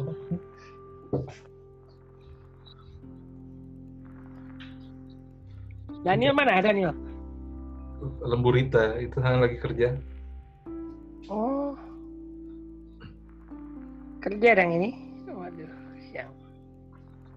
Ini meeting atau meeting. kadang jadi gimana kalau lu kadang merasa males nggak dengerin positivity positivity yang tidak diperlukan Eh, males banget lah. Males banget. Dan mirisnya, mirisnya kadang itu orang-orang gereja yang seperti itu. Kadang orang-orang gereja. Contoh ya, contoh, contoh aja. Pendeta, eh jangan Pak Pendeta deh terlalu ekstrim. Eh, brur, brur ini ke orang yang lebih itu kan, leadersnya lah. Brur, gua lagi lagi berat banget nih finansial gua. Gue lagi ini gue nggak tahu nih harus bayar utang gimana silang mobil bla bla segala macam contoh toxic positivity. Tuhan pasti bantu bro. Berdoa pakai tuh tuh kunci tangan berdoa Tuhan pasti tolong. Itu positif sih tapi bukan itu yang dia butuhkan saat itu kan? At the moment sebagai orang yang mungkin kalau kalau misalnya gue yang diceritain mom- momennya itu gue harus tanya dulu situasinya seperti apa? Coba lu embrace it- your situation. Kenapa seperti itu misalnya? Yang gue bisa bantu apa? Gue gue cuma bisa kasih segini nih lu udah lu nggak usah ganti. Tapi ya lu harus tetap berdoa lu harus tetap berusaha cuman Tuhan yang bisa bantu lu menyelesaikan masalah ini. Gue cuma bisa bantu segini. It's gonna be better daripada kayak eh, ya lu berdoa bro. Tuhan pasti bisa bantu. Itu. Soal orang contoh orang mis orang orang susah orang miskin yang lagi nggak bisa makan. Gua nggak bisa makan nih. Oh iya. Tuhan pasti bantu. Berdoa. Serahkan pada Tuhan semua. Pasti Tuhan akan berikan kekuatan. Padahal dia butuh makanan nih kalau dia, dia lapar butuh makan ya kita kasih makan lah. Yang kayak positivity positivity yang tidak berguna malah jadi toksik kan jadi racun kehidupannya dia. Iya. sebenarnya kalau kayak gitu menurut gua kayak lebih ke apa dibarengin dengan apa sih positivity itu? Kayak misalnya nih kayak lu cerita tadi ngambil contoh yang seperti itu. Itu kan sebenarnya cuma lip service doang. It's not a positivity kan actually it's just a lip service gitu. Kayak um, kayak oh ya udah Tuhan pasti bantu. Sebenarnya ya kayak lu bilang you even nggak me, you even nggak berani untuk unbox Ya. unload apa yang terjadi sebenarnya ketika orang ini cerita. Ya kayak lo bilang duduk masalahnya lo nggak tahu gitu kan. Tapi menurut gua ada ada orang-orang yang memang misal kalau lu nggak suka ada orang-orang yang feeding suka gitu loh. Dia suka di feed egonya kayak suka kalau dibilang positif emang dia nyari yang kayak gitu kenapa sih karena konsepnya itu sebenarnya em, di saat ada kan konsep selalu gitu kan di saat suasana lagi berduka, lagi susah, lagi apa yang orang butuhkan hanyalah apa? Secerca harapan, Mhm. ya kan? Hanya secerca harapan itu yang bisa membuat orang tersebut kayak bangkit lagi. Ada yang egonya bisa di-feed kayak gitu, Mhm. ada yang nggak bisa di-feed kayak gitu, gitu. Tergantung masing-masing orang sih kalau menurut gua. Karena kayak Chris bilang tadi, ada orang yang kalau cerita typically ya laki-laki. Kalau yang gue baca ya laki-laki tuh kalau cerita tuh biasanya butuh advice. Butuh didetailin. Sementara Ya. perempuan hanya butuh didengarkan. Bener loh. Kayak kalau perempuan misalnya gini nih gue pernah baca satu buku which is menurut gue true sih. Kayak kalau laki-laki itu rata-rata kalau dia cerita itu bener-bener berarti dia butuh advice Ya. bukan cuman sekedar unload. Kayak bukan cuman sekedar kayak aduh perasaan gue lagi acak adut berantakan. Gue cerita demi melegakan gue kayak kayak cewek kalau nangis gitu. Udah kesel banget nangis tenang gitu. Beda sama laki. Kalau laki itu kalau dia udah cerita berarti itu udah berat banget dan dia butuh advice. Bukan hanya butuh didengarkan. Mostly ya mostly ya kan? Butuh penyelesaian gitu. Gue cerita sama lu kalau cuman kayak tenang lah bro gini gini. Nggak ada penyelesaiannya itu toxic positivity jadinya buat laki. Karena kayak nggak ada penyelesaiannya gitu. Ya Karena kan laki-laki butuh penyelesaian. betul makanya laki-laki butuh penyelesaian. Beda sama Kadang perempuan. penyelesaiannya itu nggak kena sebenarnya. ya, saya ya ke mana ya ke mana? karena ada beberapa laki-laki yang sok-sok chill Ya. santai. Santai aja bro. Everything will be okay. Happy minum-minum lah gitu kan. Tapi itu buat laki-laki bisa bentuk penyelesaian. Ya. Karena dia merasa dia ada yang Mm-mm. ada yang bersama gitu. Hmm, beda beda kalau sama perempuan lebih ke kayak kalau misalnya ada masalah cerita gitu loh. Walaupun gak ada penyelesaian ya butuh positivity yang mungkin bagi beberapa orang toksik bagi beberapa orang lain itu kayak sebagai suatu kayak bukti bahwa oh you're sympathetic enough gitu. Lu there for us you you are there for me gitu. Kayak gue didengerin gitu gue jadi lebih lega dengan didengerin doang tanpa advice. Walaupun ya cuman kayak ya udah tenang aja itu oke lu lagi mahal lu lagi mengalami fase kehidupan yang kayak gini. Jadi ya udah dijalanin aja. Kita percaya Tuhan punya rencana. Sebenarnya kan itu juga bukan solusi kan gitu. Kayak itu cuman lebih ke kayak ya udah menenangkan mengingatkan gitu. Nah, biasanya cewek lebih butuh kayak gitu. Setuju nggak? Nggak tahu setuju atau enggak setuju sih. Setuju. Setuju ya siapa tuh setuju perempuan cewek tuh Gua cewek ngomong. Soalnya dari tadi dong laki-laki mau Oh, iya. dominasi pembicaraan nih dari tadi. Soalnya kalau kalau dari dari yang kita coba sharing tadi, ada orang-orang kayak ya benar sih gue setuju. Ada orang yang memang cuma butuh didengarkan dan direspon dengan baik kan. Hmm, Oh, it's okay. You can do it kan, you can make it. Gitu-gitu. hmm, hmm. kadang eh, responnya agak berlebihan bukan berlebihan sih kayak kurang tepat. Misalnya gini. Nggak Oh. sincere sih. Mungkin lebih Iya. yang lu yang lu cari kata itu ya nggak sincere. Ah, kedengarannya kayak iya. cuman lip service gitu. Eh contoh misalnya gini. Wah gua lagi gua lagi ini nih bro. Lagi nggak punya duit berapa segala macam dia langsung eh, nyatu gini. Gue juga pernah kayak gitu bro. Dia nggak butuh informasi itu sebenarnya kan oke misalnya cewek gue nggak gua nggak pernah sih eh pernah dicurhatin cewek. Oke enggak. Misalnya cewek curhat. Siapa Kang? gue dis gue diselingkuhin nih bro. Eh, eh, sis. Gini gini gini gini gini. Wah itu jahat banget lah cowok lah, lah, lah, lah, lah. kadang kan kayak cewek itu cuman butuh teman buat dia pengen pengen nangis dan dia elus-elus kepalanya kan buat sesama Betul. cewek bener kan? Bukan Betul. kayak bukan kayak yang ah aku juga kayak gitu gini gini bukan bukan malah orang yang dicurhatin itu lebih banyak ceritanya daripada dia. Iya. Nah, kan, kadang kadang ya positif pos, toxic positivity itu kayak gitu. Kita mencoba memberikan vibes positif tetapi justru merusak mood. Mood Hmm. orang yang sebenarnya cuman butuh didengarkan Hmm. kalau gitu. juga pernah gini gini gue cerita deh. Nah gitu gitu misalnya Iya, malah jadi dia yang cerita gitu kan. malah dia yang cerita. Malah jadi toxic kan menurut gue.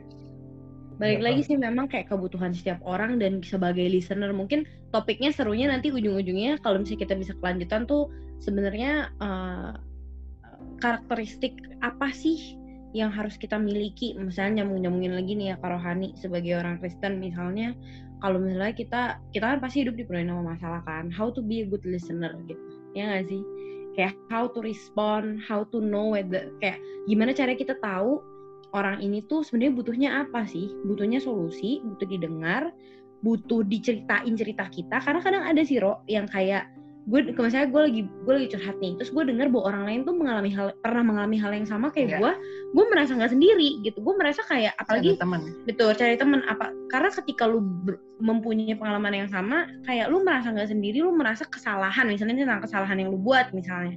Atau keadaan yang tidak baik yang lagi lu alami tuh ternyata oh orang lain juga pernah ngalamin. Oh Ya. gue bukan orang ter termenderita di dunia ini kayak gitu. Misalnya kayak gitu. Cuman setuju sih. Memang ada momen-momen di mana yang kayak si pen, si pencerita itu hanya butuh didengarkan butuh diusap-usap kepalanya misalnya.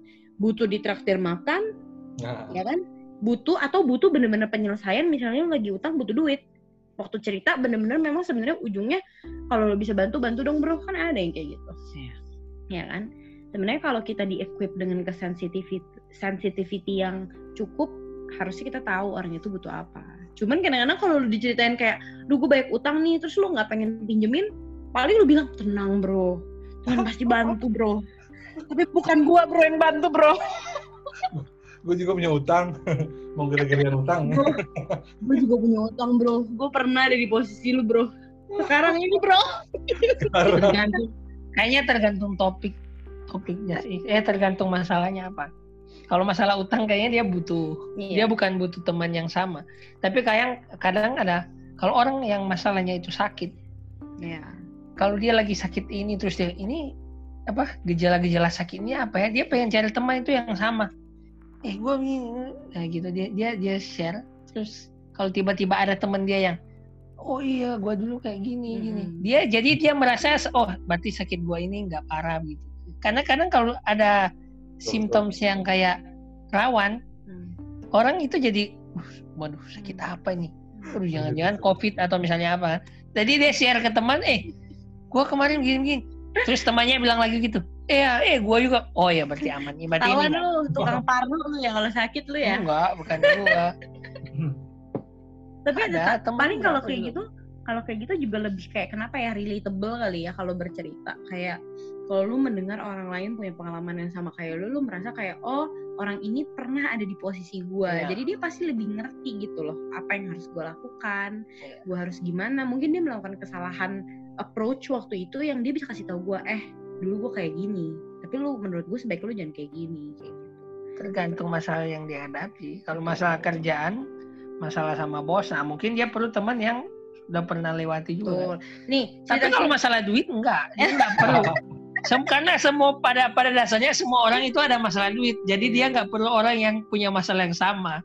Solusinya akan duit Hmm. juga kan. nanti siapa yang menolong ya ceritanya kayak tadi lu cerita Iya, siapa yang menolong itu. cerita misalnya diselingkuhin nih sama pacar gitu terus orang ini orang yang lo ceritain pernah diselingkuhin atau pernah menyelingkuhi gitu misalnya. Nah, itu kayaknya bisa relate. nah itu kan bisa relatable kan. At the end of the day the story will be about the person yang dengerin juga gitu loh. Kayak ya gue dulu juga pernah diselingkuhin gue maafin tapi gue dihianatin lagi. Jadi menurut gue lo harus cek dulu ini sebelum memaafkan ya. Contohnya kayak gitu ya. Kalau masalah duit yang dicari bukan itu. Dia mau cari apa? iya. Dia mau cari nih.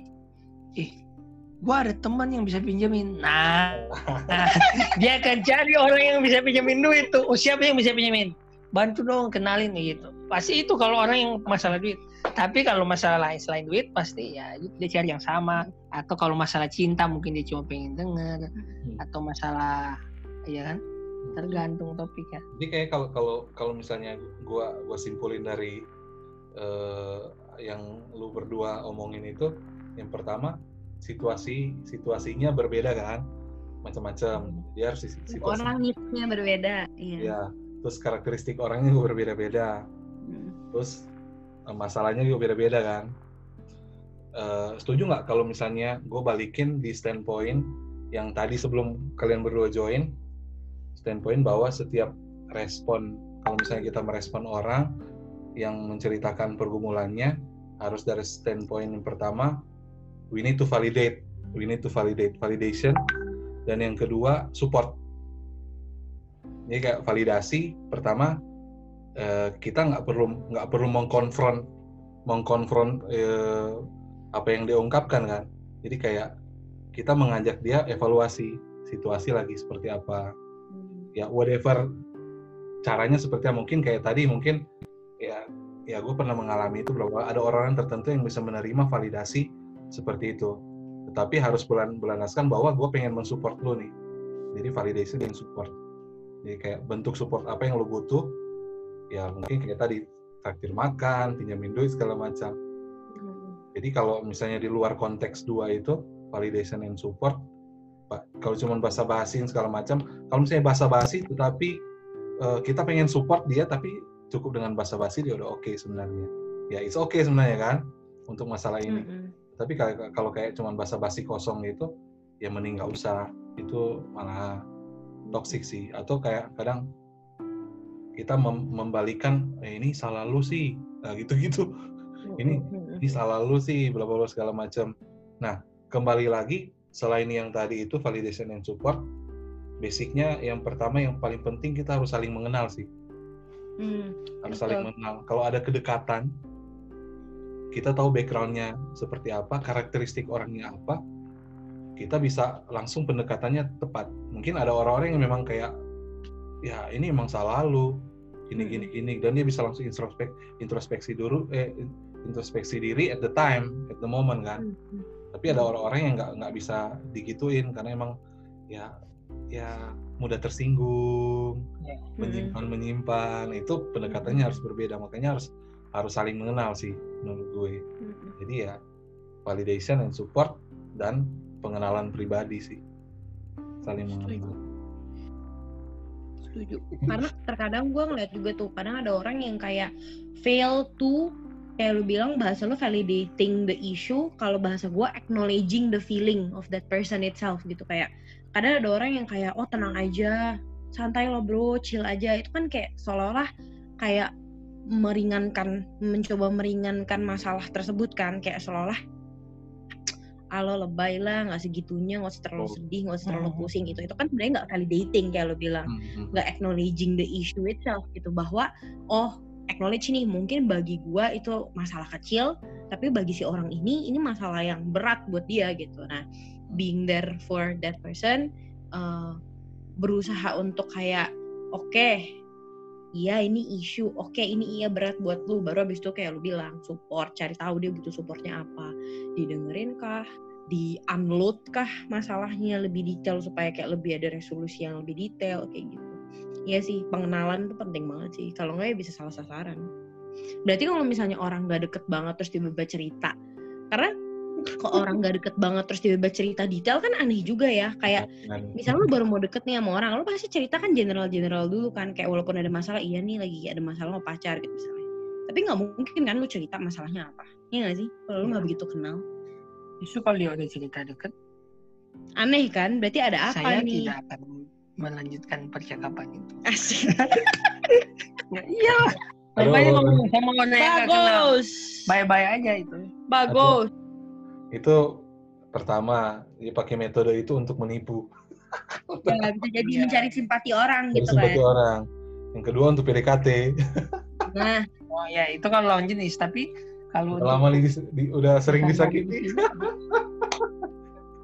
kalau nggak masalah itu, masalah keuangan apa segala macam itu aneh. keuangan itu pinjam duit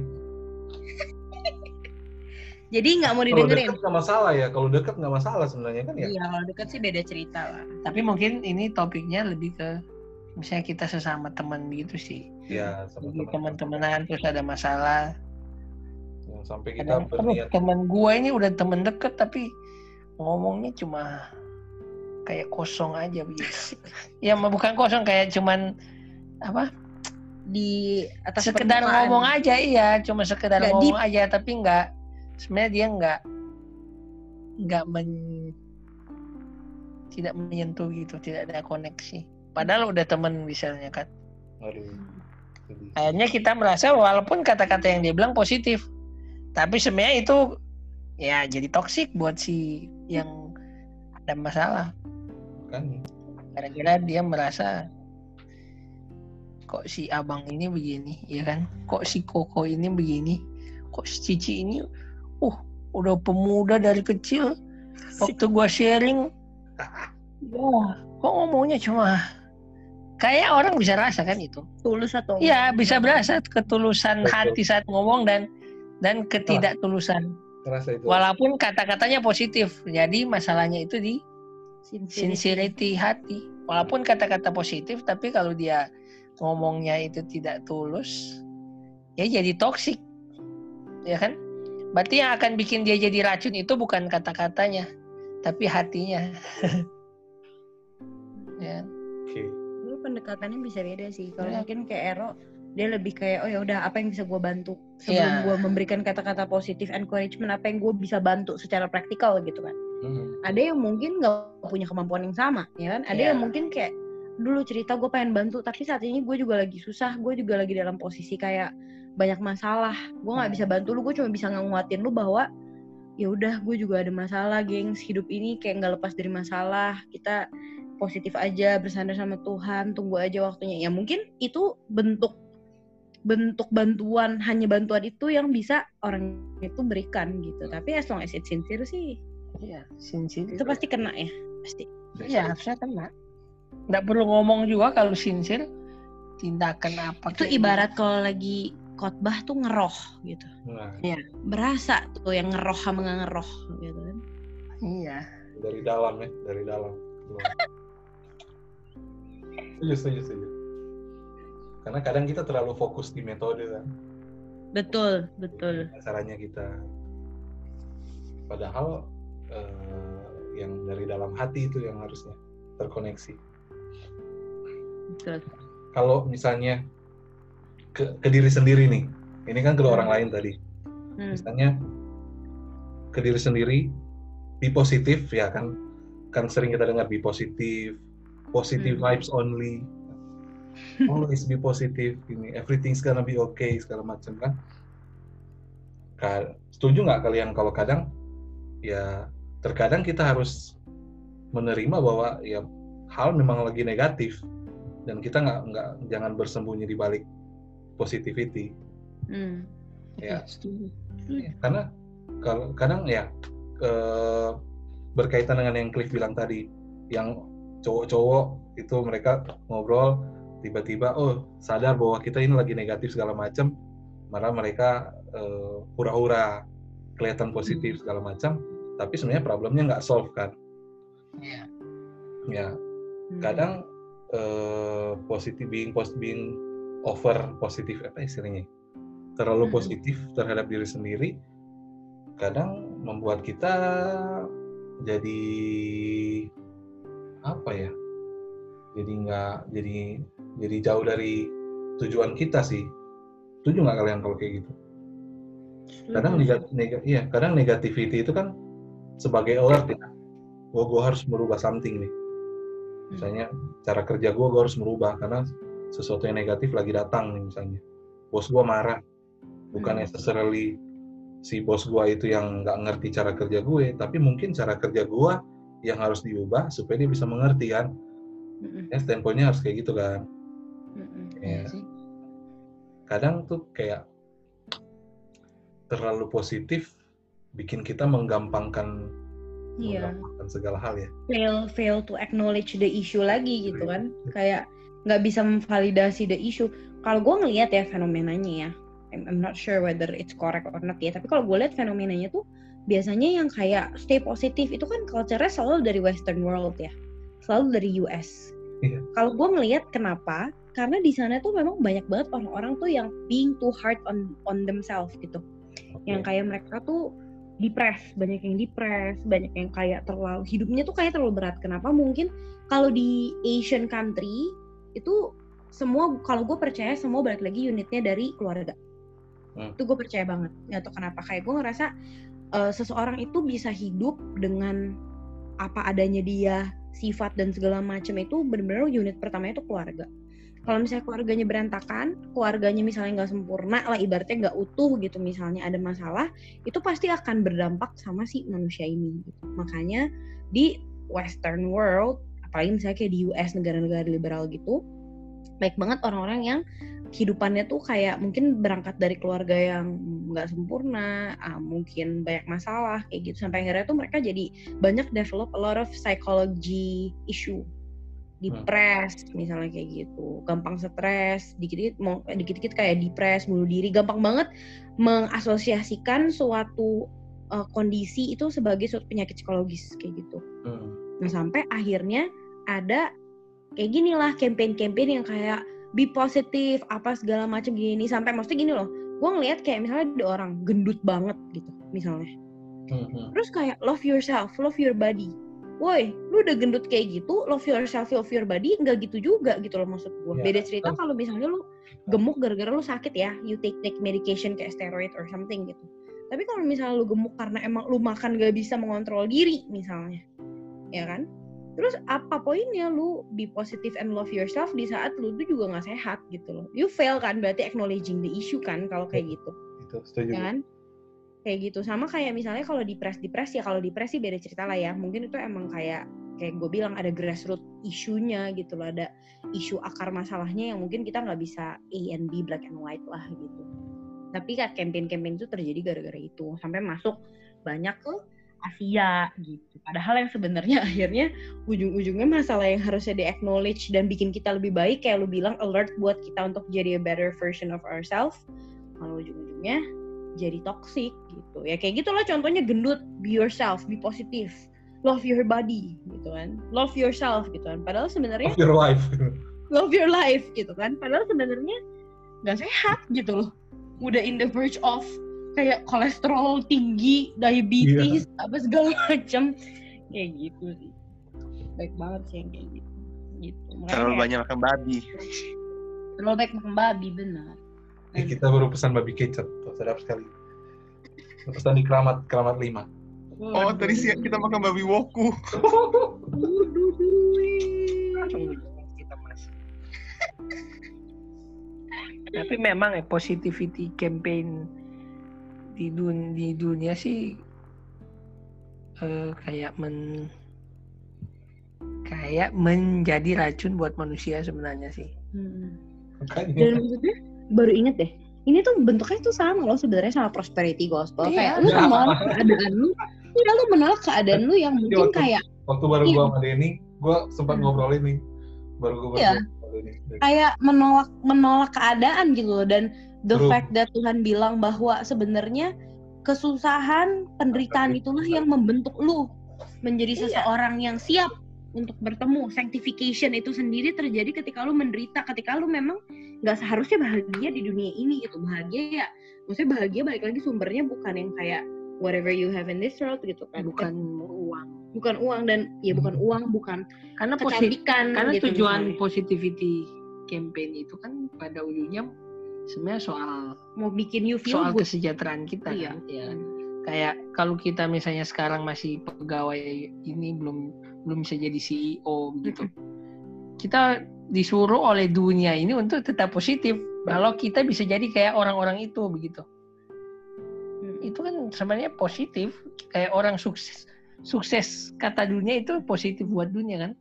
Tapi sebenarnya itu racun buat kita buat Hmm. manusia. Jadi ingat itu. Kodrat manusia se- se- sejatinya gitu. Tulisan yang kamu share ke aku terus aku share ke anak singer itu loh. Yang soal Iya, ini grup itu ya. soal bahwa ke- kekuatan lu itu bukan soal lu gitu. Jadi jangan jangan bilang bahwa I'm strong apa segala macam. Sebenarnya Jesus in you yang Iya. bisa buat lu strong kayak sekarang gitu loh. Jadi jangan fokus di lu kayak feel positive feel good you're okay Iya. you're gonna be okay you're you're ya kayak you're strong kayak gitu. Kayak bukan kalau- tentang itu gitu. kalau setuju nggak kalau gue bilang manusia itu kita nggak bisa dikotomi positif dan negatif? Feelings ya mengenai feelings ya. Kita nggak bisa Mhm. dikotomi gue ini sekarang lagi positif eh, dan gue harus menjauhkan diri dari negativity. Sebenarnya kadang ya kadang di situasi yang negatif pun kita harus menjalani itu kan. Dan kita ya kita memang harus mengalami hal yang negatif. Tetapi dimensinya harus berbeda dengan kalau kita bicara mengenai keimanan positif dan negatif itu dimensinya harus berbeda dengan iman kita terhadap Tuhan. Jadi kayak ya dimensinya harus berbeda lah sama kayak Daniel kan. Dan Hmm. Daniel Reinhardt ya.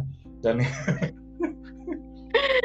Daniel di, di zaman dulu waktu dia jadi anak muda yang ikut pembuangan itu Hmm. sehari dia berdoa tiga kali. Waktu dia lagi top karir lagi jadi apa perdana menteri atau apa itu. Lagi top karir sehari dia berdoa tiga kali. Lagi Iya di buah singa sehari dia berdoa tiga kali. Jadi kayak itu membuktikan bahwa memang dia ada di dimensi yang berbeda. Jadi kayak hubungannya dia dengan Tuhan itu tidak ter tidak terpengaruh eh, feelings dia lagi positif atau negatif jadi kayak ya Jadi kita sebagai posisi kita itu sebagai orang sebagai percaya ya gitu ya. Kayak seorang believer itu kita kita s- konglomerat atau kita orang miskin harusnya Iya. ya harusnya kita nggak ada hubungan sama itu betul kayak itu Nah. irrelevant gitu loh. Iya.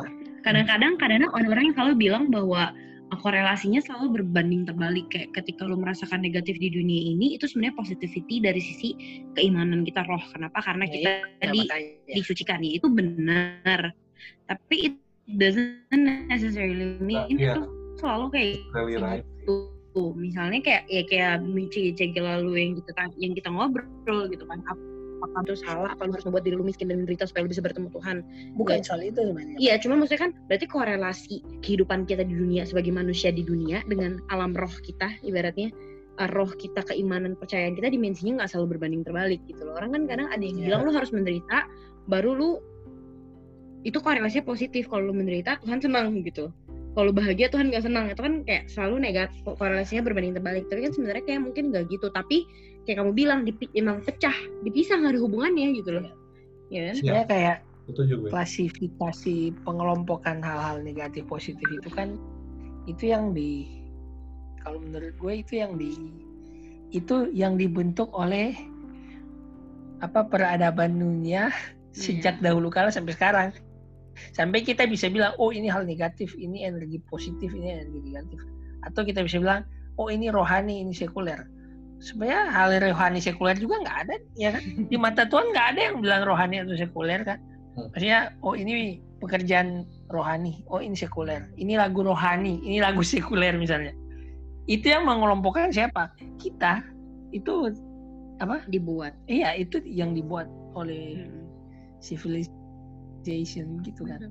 Definisi cantik misalnya itu iya kayak skripsi gue tuh. kayak cantik. Budaya kayak definisi cantik tuh putih itu sebenarnya datang dari mana sih? Budaya dari iya, itu western. pengelompokan juga kan. Karena dulu Iya. mereka menjajah kita. Biasanya yang orang-orang dijajah tuh yang kulit hitam yang Asia yang kayak Afrika yang memang secara secara landscape itu punya sumber daya tapi manusianya itu itu itu sih sejarah ya. Kayak biasanya orang yang um, land landnya itu punya banyak hal baik orangnya itu tidak akan baik. Karena jadi laid back merasa kayak udah diberkati dengan land yang luar biasa gitu. Tapi orang yang di Singapura beat Singapura US yang mungkin nggak punya apa-apa secara land tapi mereka akan jauh lebih bekerja keras dari secara people karena mereka tahu mereka nggak punya apa-apa jadi mereka ngejajah gitu misalnya. Kan kayak definisi kecantikan dulu kayak gitu kan. Kayak gara-gara penjajah banyak kan orang kulit putih makanya putih itu cantik.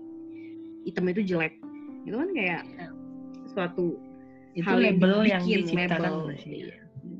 Jadi Tapi sebenarnya kita itu udah situ dengan itu bertahun-tahun Iya. dan udah itu udah menja- udah masuk Mm. Jadi sebenarnya kalau misalnya kita terlalu sering mengkorelasikan kondisi kehidupan kita dengan berkat Tuhan, dengan penyertaan Tuhan, menurut, menurut, menurut gua sih kurang tepat ya, bener ya, bener nggak? Hmm. Kayak, wah gua lagi stres nih, banyak kerjaan, atau, aduh hidup gua lagi berat nih, pasti Tuhan lagi mencobai gua segala macam. Ya bisa benar, tetapi nggak necessarily right kan? Korelasinya nggak selalu kayak gitu Iya, korelasinya kayak gitu. Gua lagi struggle nih secara finansial. Aduh, Tuhan pasti lagi pengen eh, itu sesuatu nih terhadap gue. Belum tentu kan. Memang mungkin mungkin lo butuh pindah kerja aja supaya naik gaji. Tuhan punya peran masing-masing itu sih yang kayak Terus, peran masing-masing buat kita mau jadi orang seperti apa pun ya mesti terima. At the end of the day banyak juga orang percaya kayaknya yang sampai mati nggak berhasil, nggak punya Iya. banyak uang. kayaknya karena bukan itu kan Ya, bukan itu kalau misalnya ngomongin soal uang misalnya gitu kan. tapi kita banyak mendengarkan kesaksian tentang itu nah, gitu. kesaksian loh Nah berarti kan jadinya balik lagi ini dibikin kan labeling ini dibikin bukan, gitu. bukan ya dibikin ya bisa dibilang dibikin Kayak Tuhan Semakin- memulihkan keuangan keluarga saya. ya itu kan kayak ya udah kita anak sekolah minggu kalau dengar itu udah dia udah tahu oh berarti kalau keuangan yang dipulihkan itu sesuatu yang positif jadilah label positif lagi baru di training lah di otak semakin semakin umur kita bertambah semakin dunia panjang Hmm. semakin berubah kan sebenarnya Padahal kan sebenarnya kalau misalnya mau dilihat mengenai aspek finansial, yaitu kalau Tuhan mau berkati kita secara finansial, yaitu privilege-nya, eh bukan privilege sih, prerogatifnya Tuhan kan sebenarnya. Eh, Dan gue panggilan pilih lu menjadi lebih- orang kaya gitu. Gue pilih lu menjadi orang yang biasa-biasa aja. Tetapi regardless lu kaya atau biasa-biasa aja, keimanan lu harus di dimensi yang berbeda kan sebenarnya kan. ya. Karena bukan itu yang dinilai dari Tuhan. Oleh Tuhan bukan. ngomongin practicality kayak gitu balik lagi ke firman sih. Gue jadi inget juga makanya kapitalis ini kayaknya bukan suatu bentuk apa paham yang sesuai dengan Alkitab sih pengertian gue. Karena at the end of the day kayak waktu itu Tuhan pernah bilang kan ketika orang percaya itu sama-sama percaya yang waktu Tuhan apa Tuhan diangkat itu Tuhan naik ke atas gitu kayak benar-benar orang percaya tuh saling berbagi gitu loh. Kayak nggak jadi nggak ada gap di sana gitu kayak orang yang Iya. punya berbagi ke orang yang nggak punya at the end of the day semuanya jadi seolah-olah rata gitu mungkin ya ini Iya. pengertian gue ya sebenarnya kalau kapitalis kan benar-benar iya kan bukan reform kayak maksudnya itu sosialis ya namanya ya? Sosialis. sosialis kan Sekali. kayak kalau kapitalis kan yang miskinnya tambah miskin, yang kayanya tambah kaya gitu. Tapi kalau Alkitab mengajarkan bahwa itu yang kayak mereka hidup seperti saudara dan berbagi, selalu berbagi gitu loh. Iya. Gitu. At least yang di dalam gereja ya. Nah, gue nggak tahu di luar gereja gimana. At least kalau itu yang di dalam gereja dibilang Mereka jual- jelas gitu. jual lahan tanah buat di- Dibagi-bagikan, gitu. ya, dibagi-bagikan gitu. Dan kenapa sekarang itu dia justru itu yang berubah sekarang itu dianggap sesuatu yang aneh, tabu mungkin sekarang kita. Ya kan? Siapa yang bangun ini semua dong? Orang bu barat kan? Mm-mm. Makanya agak melenceng kenapa masalah-masalah kayak sekarang itu corona lah apalah itu semua kayak ya, ya, makanya kamu nggak tahu kamu bisa bilang Jo konspirasi. kamu bisa bilang nggak masalah misalnya masalah kayak eh, mortgage zaman dulu cicilan rumah. Itu siapa yang bangun? Orang bule. Dulu nggak ada orang nyicil rumah. Nggak ada orang yang mau nyicil rumah.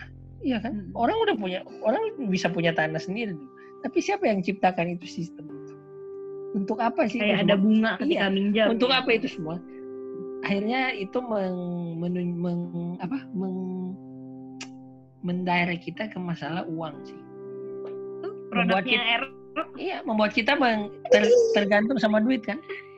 Iya, dan yang kaya makin kaya, miskin Iya. makin miskin. Tapi itu jadinya. memang dunia kan jadi begitu ya. Kita sebagai orang yang tahu ini dari firman Tuhan, kayaknya kita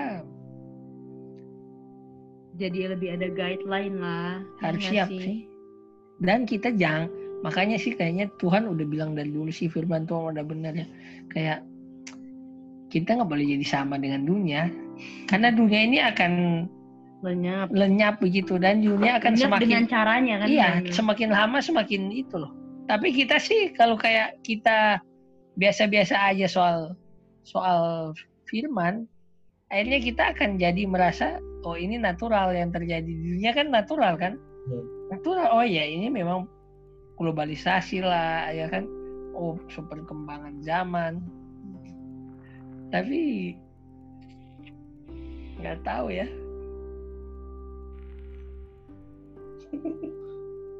Masalahnya mimbar gereja mengajarkan itu juga kan banyak. Mirisnya ya, miris. Iya. Mirisnya diartikannya begitu. Kayak terlalu dangkal. Dangkal, ya. meng- Iya. meng- apa ya? Dangkal. Sebenarnya bukan dangkal sih menurut gua. Itu justru jadi lebih ke seolah-olah serupa dengan dunia. Hmm. Lebih serupa. Ya kan? Makanya kembali lagi masalah relevansi begitu kan. Relevan sama dunia begitu. Kalau memang kita mesti beda-beda ya. Apa dong yang kita mesti bikin ya? Berarti sebenarnya kalau nyambungin lagi dengan toxic positivity, lebih ke kayak acknowledging kalau kita dengerin orang, we have to be a good listener gitu kan. Gimana kayak kita bisa mengenali apa need-nya dia. Bukan apa yang harus kita ngomong, tapi lebih ke apa yang dibutuhkan sama si orang tersebut sebelum kita ngomong gitu kan.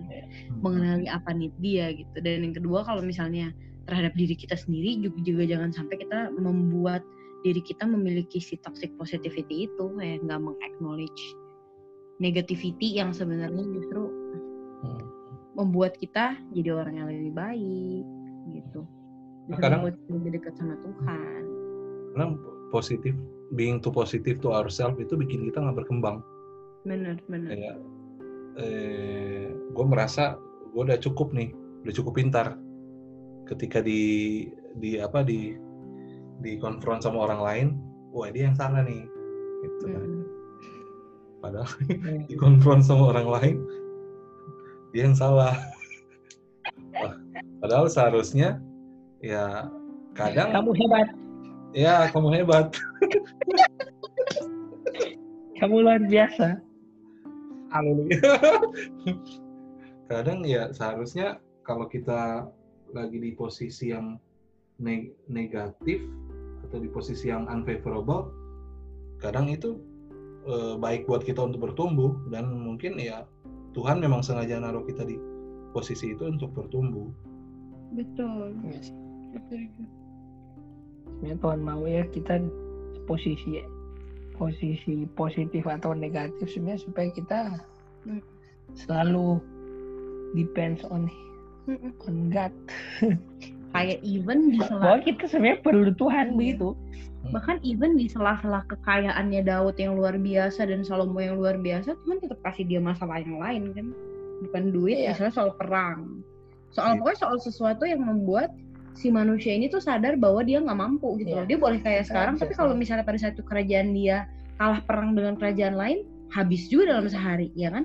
Lu bisa kaya, lu bisa sukses, lu bisa pinter, tapi ternyata Salomo bilang sia-sia.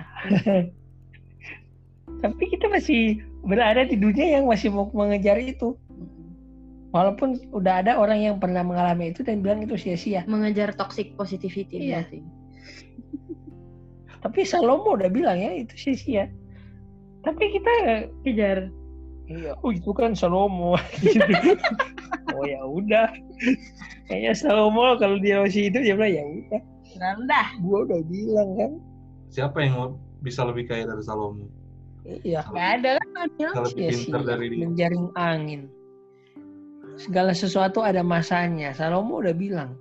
Berarti kita mau bergerak atau tidak akan ada masa. ada saatnya lu menangis, lu bersuka cita. Hmm. Setuju. Fania kok diam-diam aja Fania nih. Fania tadi udah setuju akan satu hal bahwa cewek cuma mau bukan cu- bahwa cewek cuma mau dibelai-belai doang ya. eh berarti lu kagak boleh Fania cari cowok tipenya yang kayak Adriel. Lu cari cowok yang tipenya kayak dia, lu cerita bukannya disayang-sayang lu dimengerti, ditanya kenapa. Ditanya siapa pasti lu elaborate ya. masalahnya dulu. Elaborate dulu lu masalahnya. Oh ini salah lu, udah. Salah lu ini udah. Lu jangan Pengen solusi atau enggak gitu. pengen ada solusi atau enggak? Kalau cuma pengen Iya. boleh doang jangan. Kalau nggak dia nanya, mau lap, yaudah mau diapain? Mau dikasih solusi atau disayang-sayang? Iya iya doang sayang-sayang. Oh ya udah ya. nggak apa-apa.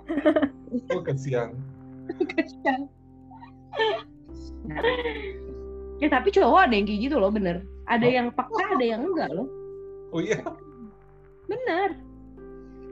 Eh, ada ya emang. Nah ada. Ada cowok yang have a, have a hard time untuk recognize feelingnya perempuan. Gitu ada. Karena kan cowok gitu. Mereka kalau cerita tuh maunya dikasih solusi. Makanya mereka terjebak bahwa dalam ke dalam kesalahpahaman itu seolah-olah perempuan itu juga maunya kayak gitu. Padahal perempuan kadang-kadang kalau dikasih solusi kesel kayak, aduh gua gak mau denger gitu kayak gue gak butuh solusi itu. Gue gak butuh lu salah salahin gue sekarang. Elaborate the problem yang menunjukkan gue yang salah gitu kan. Gue cuma butuh lu Butuh lo, lo yang minta maaf walaupun gue yang salah. Karena at the end kalau kayak gitu yang penting lu kenal cewek lu gak sih? Kayak Iya. dia itu maunya apa gitu loh. That's why balik lagi ke depan gitu loh. Lu sekenal apa sama orang itu? Kayak kalau lu tahu dia tuh kayak gini butuhnya cuma didengerin, ya be the positive someone dengan kebutuhan itu gitu loh. Hanya cukup untuk didengar, iya nggak? Iya. Betul. Memang ya mempelai wanita itu nggak bisa apa-apa, dia cuma bisa dibenarkan. Oh, haleluya. Jadi meskipun Iya. salah dibenarkan gitu. Iya, mempelai wanita cuma bisa dibenarkan. Kalau kan lihat lihat kita ini eh, orang percaya itu mempelai Kristus kan. Kita itu nggak bisa apa-apa, kita cuma bisa dibenarkan oleh darah Kristus. benar juga sih Oh haleluya. Nggak bisa apa? Nggak bisa apa-apa kita. si perempuan juga nggak bisa apa-apa sih sebenarnya, dia cuma bisa dibenarkan. Pasif. Dia tidak bisa mencari kebenaran sendiri dengar tanpa Adriel. dibenarkan oleh suami dia. Adriel dengar Adriel dengar. Dengar baik Adriel. Tapi kayak kalau kayak pengalaman gue sama Chelsea ya, misalnya Hmm. lagi lagi berantem, Balik bikin lagi, geng. oh iya, lagi, lagi berantem, jadi masih berhubungan sama how to responding ya.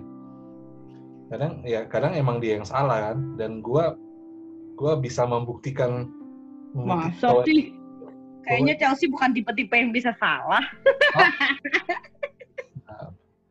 Gua yang bahwa gue intinya gue bisa berargumen lah bahwa lu juga punya andil dalam hal ini gitu dalam kesalahan ini tapi gue kadang memilih untuk untuk untuk diam aja karena dia kalau udah diam ya udahlah gue juga diam jangan jangan coba gue jangan coba kejar-kejar dia untuk menjelaskan atau meminta penjelasan Mending diam aja diam diam diam satu hari baru ajak makan udah kalau udah makan udah Cuma udah makan udah. Kalau udah makan apalagi makan enak Nah, kan. Pedas. Berarti lu tahu perempuan cewek lu tuh cuma butuh makan enak supaya cuma butuh nyaman, adem. Gini, dia nggak nggak butuh dijelasin bahwa dia itu salah, Dia udah tahu gitu dia kan. udah tahu dan dia cuma butuh waktu untuk menenangkan dirinya dia untuk kayak bilang ke dirinya sendiri, oke, oh iya benar, gue juga salah gini gini. Tapi karena egonya dia, jadi dia butuh waktu dan gua untuk meluntukkan meruntuhkan egonya, ya udah gue ajak makan. Coba tolong belajar Pak. Pak. Pak, belajar ajak saya makan. Kamu kan nggak mau makan. Oh, iya. maunya apa? Aku maunya apa, Beb? Mau olahraga. Ada, tunggu ya. Ntar kalau jadi suami istri, Hmm. udah beda deh. Ya, Doakan bisa ya. tuh cuma selesain makan doang. Doakan ya. Nah, nih. ini kayak pelajaran buat Daniel. Fania juga.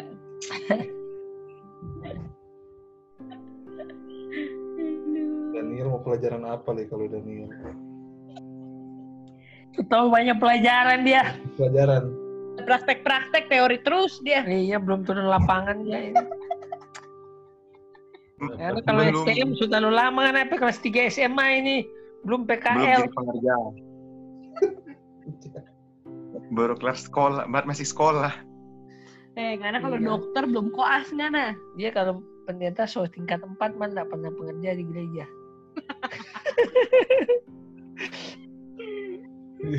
Bohot-bohot banget cuma online.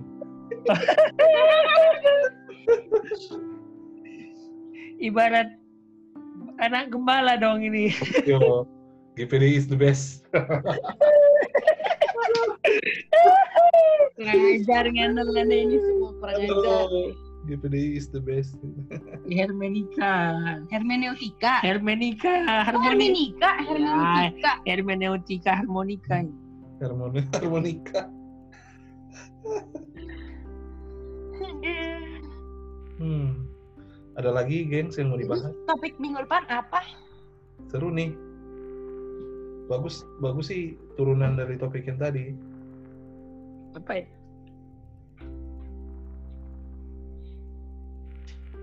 Menjadi serupa atau relevan. Oh, menjadi serupa menjadi serupa versus relevan. Tuh. Serupa dengan siapa? Ya, menjadi serupa. ngomongin menjadi serupa. kan Serupa dengan seolah-olah Kristus kayak- atau dengan dunia? Iya lah. maksudnya. Menjadi serupa kan kata-kata Alkitab. Relevan kan seolah-olah Alkitabiah. Menjadi Ya. serupa kan negatif. Apa bedanya menjadi relevan dan menjadi serupa? Iya. tapi kan itu dulu pernah dibahas bukan yang ada semi juga itu loh Ya, kayak sih, bagaimana iya. kita menjadi anak orang Kristen menempatkan diri gitu loh Iya sih. Apa Ya pernah itu semi bahas yang soal gereja-gereja tuh. Oh, iya. Oh, itu apa dong topiknya? Depan. Eh, itu tugas dulu. Eh, apa? Petua-petua, jangan cari topik di sini. Daniel. Jangan memanfaatkan kita untuk cari topik. Justru bottom bottom up supaya semuanya terlibat. jadi kita kiontak setiap hari Senin cari topik Oh Tuhan. Fania, topiknya apa? Ya, Fania join lagi minggu depan. Fania dia cari topik, Fania. Kayak boleh yang ringan-ringan lu. Terus kan topik kita berat terus. Oh, Kak Ebi juga. Kak Ebi ada juga tuh. Iya. Baru Tadi, baru tadi Ebi join, cuman mungkin baterainya lobet. tuh. Kak Fania udah lulus ya? Wih. Akhirnya. Thank you. Sarjana ya? Sarjana Van ya? Sarjana apa? Iya. Sarjana desain. Wih. Di kafe dong ya, di kafe. Iya. Congrats, Pak. Mantap, Terima kasih. Jago gambar berarti dia. Di kafenya apa? Digital atau desain-desain Digital graphic. digital ya? Mm-mm. Mantap. Oh, Dia mau minta boleh bikin logo. jadi tim sosmed lah boleh. Bantu-bantu desain gitu. Dasar. Tembak. Udah pakai toga nanti ya? Nggak tahu Kak. Kapan bisa Eh. ya? Harusnya Desember, cuma kan lagi kayak gini. Nggak tahu. Berdoa berdoa aja. Waduh, toxic positivity ini. Baru bilang. Harusnya inputnya inputnya gini contoh contoh input yang nggak toksik ya. Ini kan dari bulan Agustus sampai ke Desember kan masih ada jeda beberapa bulan. Dia bisa cari kerja, gue bisa bantuin kalau mau. itu, itu tidak toksik. Boleh deh magang dulu, cari cari magang Fania jadi apa ya graphic designer ya? Iya. Atau jadi UX designer? Mau? Aduh, nggak sanggup itu. Jadi kalau kalau lu graphic designer gitu bisa bikin kayak bikin-bikin brosur, landing page, Hmm. website itu bisa nggak? Landing page, eh, belajarnya baru dikit sih. Hmm. Ya, at Baru, least desainnya lah. iya. Oh, jadi tuh. lebih ke kayak apa brand brand design begitu ya? Branding gitu-gitu ya. Branding ya? Mm-mm. Yang communication itu bisa. Jadi kayak desain logo, desain misalnya ke satu cafe, desain menu dia, desain logo dia, semua begitu ya. Mm-mm, bener. Kalau desain apps gitu, Application, pernah sih belajar. Cuma nggak nggak nggak terlalu demen. oh nggak demen apps ya. Mm-mm. Jadi lebih suka yang Branding branding gitu. branding ya. Oh. Oke, Mantap. Hmm. baru itu. Eh, boleh itu kali ya. Lu bisa bisa kerja di tempatnya Sansan. Daniel. Coba. Boleh dia cocok kerja dengan Sansan. Eh, sudah tahu. Tahu leh masih jalan kayaknya ada itu. Yang tahu lupa setiap hari itu kan. Fan, Fania harusnya di Oh. agency, digital Hari-hari. agency ya? Hari-hari dok cuman bahas story terus.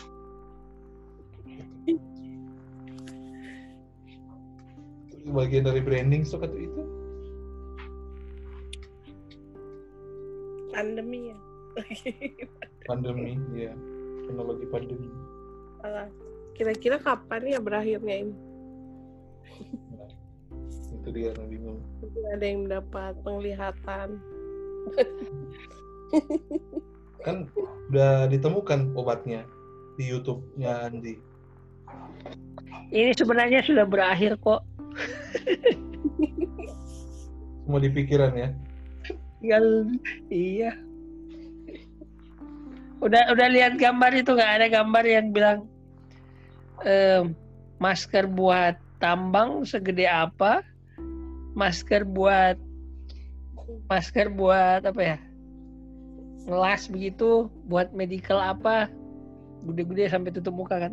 Hmm. Terus tiba-tiba masker untuk virus virus yang paling bahaya di dunia cuma kain. Jadi sebenarnya ini bahaya atau enggak? Iya bang, betul juga ya. Iya, Bang. Ya kan? warna-warni lagi bisa Ma- jadi masker mi- misalnya masker orang yang kerja di di pabrik, wah udah tutup sampai kepala lagi. Ini katanya virus paling bahaya di abad ini. Pakai kain. masker kain di bawah sini. Iya makanya sebenarnya ini bahaya atau enggak sih? Atau media Itulah. konspirasi lagi konspirasi Inspirasi. nggak bukan konspirasi sih supaya kita nggak usah hidup dalam ketakutan aja ya kan setuju kita itu kita setuju Nah itu juga tuh bagaimana itu? tapi itu bisa jadi toxic nah itu aja topik topik aja itu Berhikmat atau beriman? Ini jadinya untuk ibadah offline apa online? apa Topik tadi apa Mbak, topiknya bro apa Apa? Berhikmat atau beriman? Kan katanya kita harus berhikmat juga, nggak boleh keluar-keluar Oh, dulu atau itu perdebatan sengit di awal bulan Maret tuh waktu awal-awal gitu. ya. Wah itu gila tuh di Facebook rame banget tuh grup GPDI GPDI itu Oh iya, ru- GPDI rumahku GPDI Smart. Jadi mau gereja yang gereja yang 500 jemaat atau gereja 10 orang? Nah tuh itu Oh. lagi juga. mau kita menjadi gereja seperti jemaat mula-mula yang cuma berkumpul di ya di rumah teman-teman tentang apa belajar firman dan tur- terjun ke dunia atau setiap minggu kita ke gereja gede kasih persembahan pulang. Mau yang mana? Mau misi dong mau misi. Neo Soho atau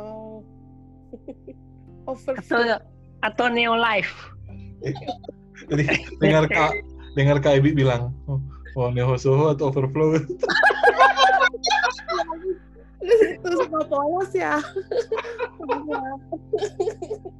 aduh tahu.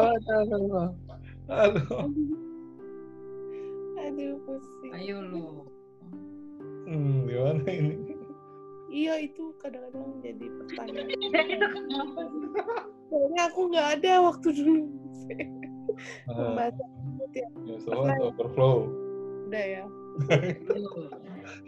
Itu jadi jadi topik Ganti topik. Mending kita kita bikin lembaga misi nasional. Eh, setuju kita. Nanti na- nanti Vania bikin dia itu branding package. Korea ya. Korea. Judulnya Outflow Outflow Outflow. kan kalau udah overflow udah over mending keluarkan kan ini udah lebih lebih kita bagikan keluar Berarti judulnya hashtagnya keluar rumah. eh keluar rumah aja keluar rumah aja. Bajalang Jo. Baca. Ah, nggak ada bahaya gak ada. iya topiknya bagus ya oh topik mengenai misi aja bro Oh iya bagus tuh. Hmm. Ya. topik mengenai misi Ah, luar biasa. jadi Besok. nanti nanti kita masing-masing kan punya punya pemahaman kan ada orang yang mungkin merasa misinya itu di dalam gereja yang mendatangkan sebanyak sebe- semakin banyak orang ke dalam kan? Dan dilayani di dalam. Tapi ada orang-orang yang bilang ya misi itu kita harus keluar. Karena ada orang-orang yang memang nggak bisa datang ke dalam. Ya kita harus keluar. Oh ini aja misi. Keluar atau ke dalam? Nah, ya itu boleh dia boleh. pelayanan misi. Keluar atau ke dalam? Boleh itu. Boleh itu gabung jadi dengan dengan musik ya gabung dengan musik Gabung juga gabung juga. Mission trip. Siap. iya Musik masih ada. Musik. lagi masih ada pemain-pemainnya tapi itunya lagi nggak ada Giginya lagi lagi sibuk dengan keluarga masing-masing Iya.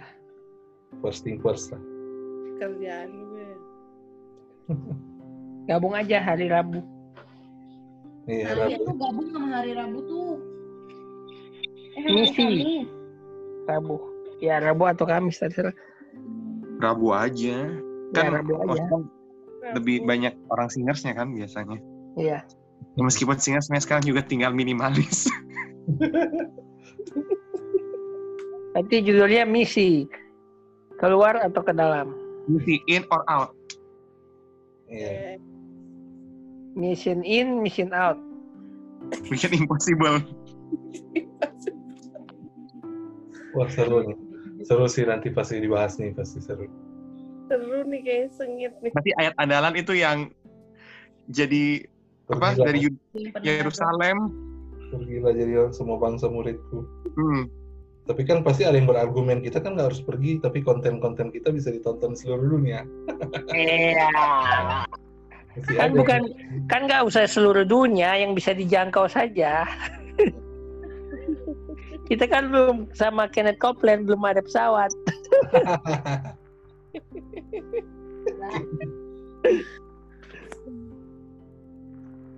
Oh seru nih pasti nih. Oke, kunci ya, kunci ya. Mission, misi, Misi misi keluar atau misi ke dalam. ya, keluar gereja atau gereja. Nanti di sini akan banyak positivity toxic juga dalam memberikan jawaban, ya kan?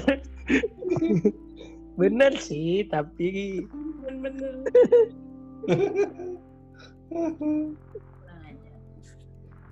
Iya sih. Emang itu ya dari gembala atau dari mana ya kalau misi itu? dari gembala atau dari jemaatnya? misi dari kita aja. Pertanyaannya. Dari atas atau dari bawah ya? iya, Bottom up atau top down? iya, aku Iya ya. pengen nggak per- karena kita nggak pernah ada arahan itu lah misi itu. Eh udah dimatiin belum recordingnya bahaya nih. Recording begini nih ah. Itu kata-kata penutup dulu ya. Nanti gua cut terus gua gabung. Oke, kalau gitu kita tutup dulu. Jangan, mesti berdoa dong kalau gitu. Nggak usah. Gak usah lagi. Ya, doa. Karena kan dari awal jadi. nggak apa-apa, ini gua record dulu aja. Nanti pas abis berdoa, nanti gua tinggal potong di momen yang pas langsung sambung doa. Cet. Diedit. Jadi, Iya. Tapi gitu ya, kita nggak pernah ada arahan misi gitu ya. Bah- bahkan kita mengelaborate misi misi itu nggak berdasarkan pemahaman masing-masing. Kayak yang Iya. tadi kan, oh kita bikin konten ini kok misi Kok bisa dijangkau Sebenarnya ada bisa menjangkau orang. Padahal belum tentu belum tentu benar seperti itu kan. iya sih. Pem- Konsep dasarnya kan maksudnya kan diajarinnya. Iya. Tapi kalau di Ketapang kan Carla P. Papa toh. Udah bobo apa-apa. Ih, itu geng-geng tim misi itu. Zebulon, Zebulon. Di bawah meja. Kalau Karena kalau kalau dari kita sih i- eh, intro aja ya buat minggu depan ya. Kadang kita ter- ter- terlalu fokus di musik kan gitu kan fokus, fokus di musik. Gimana supaya suasananya ngangkat, nyanyinya bagus segala macam. Sementara di luar sana orang tuh nggak butuh itu, hadirat Tuhan datang loh. Eh, ntar lo di ini loh. Ntar lo dibilang kayak mama gue loh, mama Dora loh. Bapak gue pelayanan-pelayanan Zebulon keluar, mak gue. Hmm. Aduh, lu jangan banyakkan pelayan keluar kota. Saudara masih banyak tuh yang perlu dilayani. Eh itu itu yang berbeda tuh. Tuh, Itu kan banyak banyak perspektif. Apa undang bintang tamu Mama Dora dan Papa Habib? Kita kita lempar itu lempar topik abis itu kita mute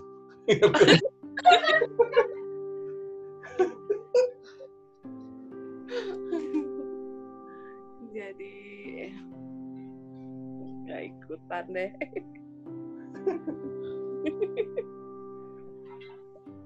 Oke, gengs, jam 10 lewat 10. Oke. my god ini kalian udah apa Cego udah kelar dan meeting gue belum kelar dong aduh ini ambi banget nih orang-orang ya Tuhan Betul. Double ten. siapa doa mengejar hal yang panah. Selalu, selalu mau bilang nih. semangat kali kita pay manager aja semalas kali ini gara-gara join dengan grup lain ini Semangat. Semangat, semangat. Berarti jodohnya harus yang sama ya Pak Daniel ini. Iyo. Masih orang, Harus masih orang konsultan juga. Pacarannya setengah empat. Kelar kerja lo setengah empat pagi baru pacaran. Teleponan. sama Beb, aku baru kelar kerja nih bye good night eh good morning deh Good morning. baru kelar kerja. Oh, aku juga. Oke. Sama tidur. tidur. Aduh. Oke. Ada lagi teman-teman? Kalau nggak ada, Kita kita berdoa. akan akhiri CG kita malam hari ini. Terima kasih untuk sharing-sharingnya, sangat memberkati. Walaupun topiknya agak eh, agak-agak ini ya berat, toxic positivity, tetapi ternyata bisa berkembang ke hal-hal yang bisa me- membangun keimanan kita lah, membangun pengertian kita terhadap terhadap firman Tuhan. Sampai jumpa di minggu depan. Minggu depan bocoran aja tema kita misi mengenai misi. Mengenai misi, apakah misi itu keluar atau ke dalam? Apakah kita sebagai orang-orang Kristen dari gereja harus keluar menjangkau orang atau kita menarik orang untuk datang ke gereja? Nah, Hai, ya, kenapa? Oh, boleh. Boleh, boleh di sharing. Bokap nyokap juga boleh. Suruh daftar tinggal dulu ya. bisa ribut bapak emak gua. Yang tadi nanti terang mute. Oke, kalau nggak ada yang tambahin lagi, kita tutup aja dengan doa. Nanti Cliff, Jono, tutup dengan doa. Oke, mari kita berdoa. Tuhan Yesus, terima kasih kami bersyukur buat malam ini, kami bersyukur buat percakapan, diskusi kami Tuhan. Biarlah apa yang kami sudah bicarakan Tuhan Yesus ini menjadi rema, menjadi kekuatan dalam hidup kami Tuhan. Untuk semakin hari Tuhan kami semakin bergantung dan semakin berharap kepada Kristus saja dalam hidup kami Tuhan Yesus. Karena kami tahu Tuhan Tuhan yang pegang dan Tuhan yang eh, tuntun hidup kami selalu Tuhan Yesus. Terima kasih Tuhan. Kami serahkan hidup kami sepenuhnya ke dalam tangan Tuhan jaga dan lindungi malam ini Tuhan Yesus terima kasih Tuhan kami berdoa dalam nama Yesus haleluya amin Thank you, guys. Thank terima you. kasih Bang Dah, Ada. Daniel. Kak Daniel. Dah, Ya, selamat bekerja kamu bekerja. Selamat. Dah. dadah eh,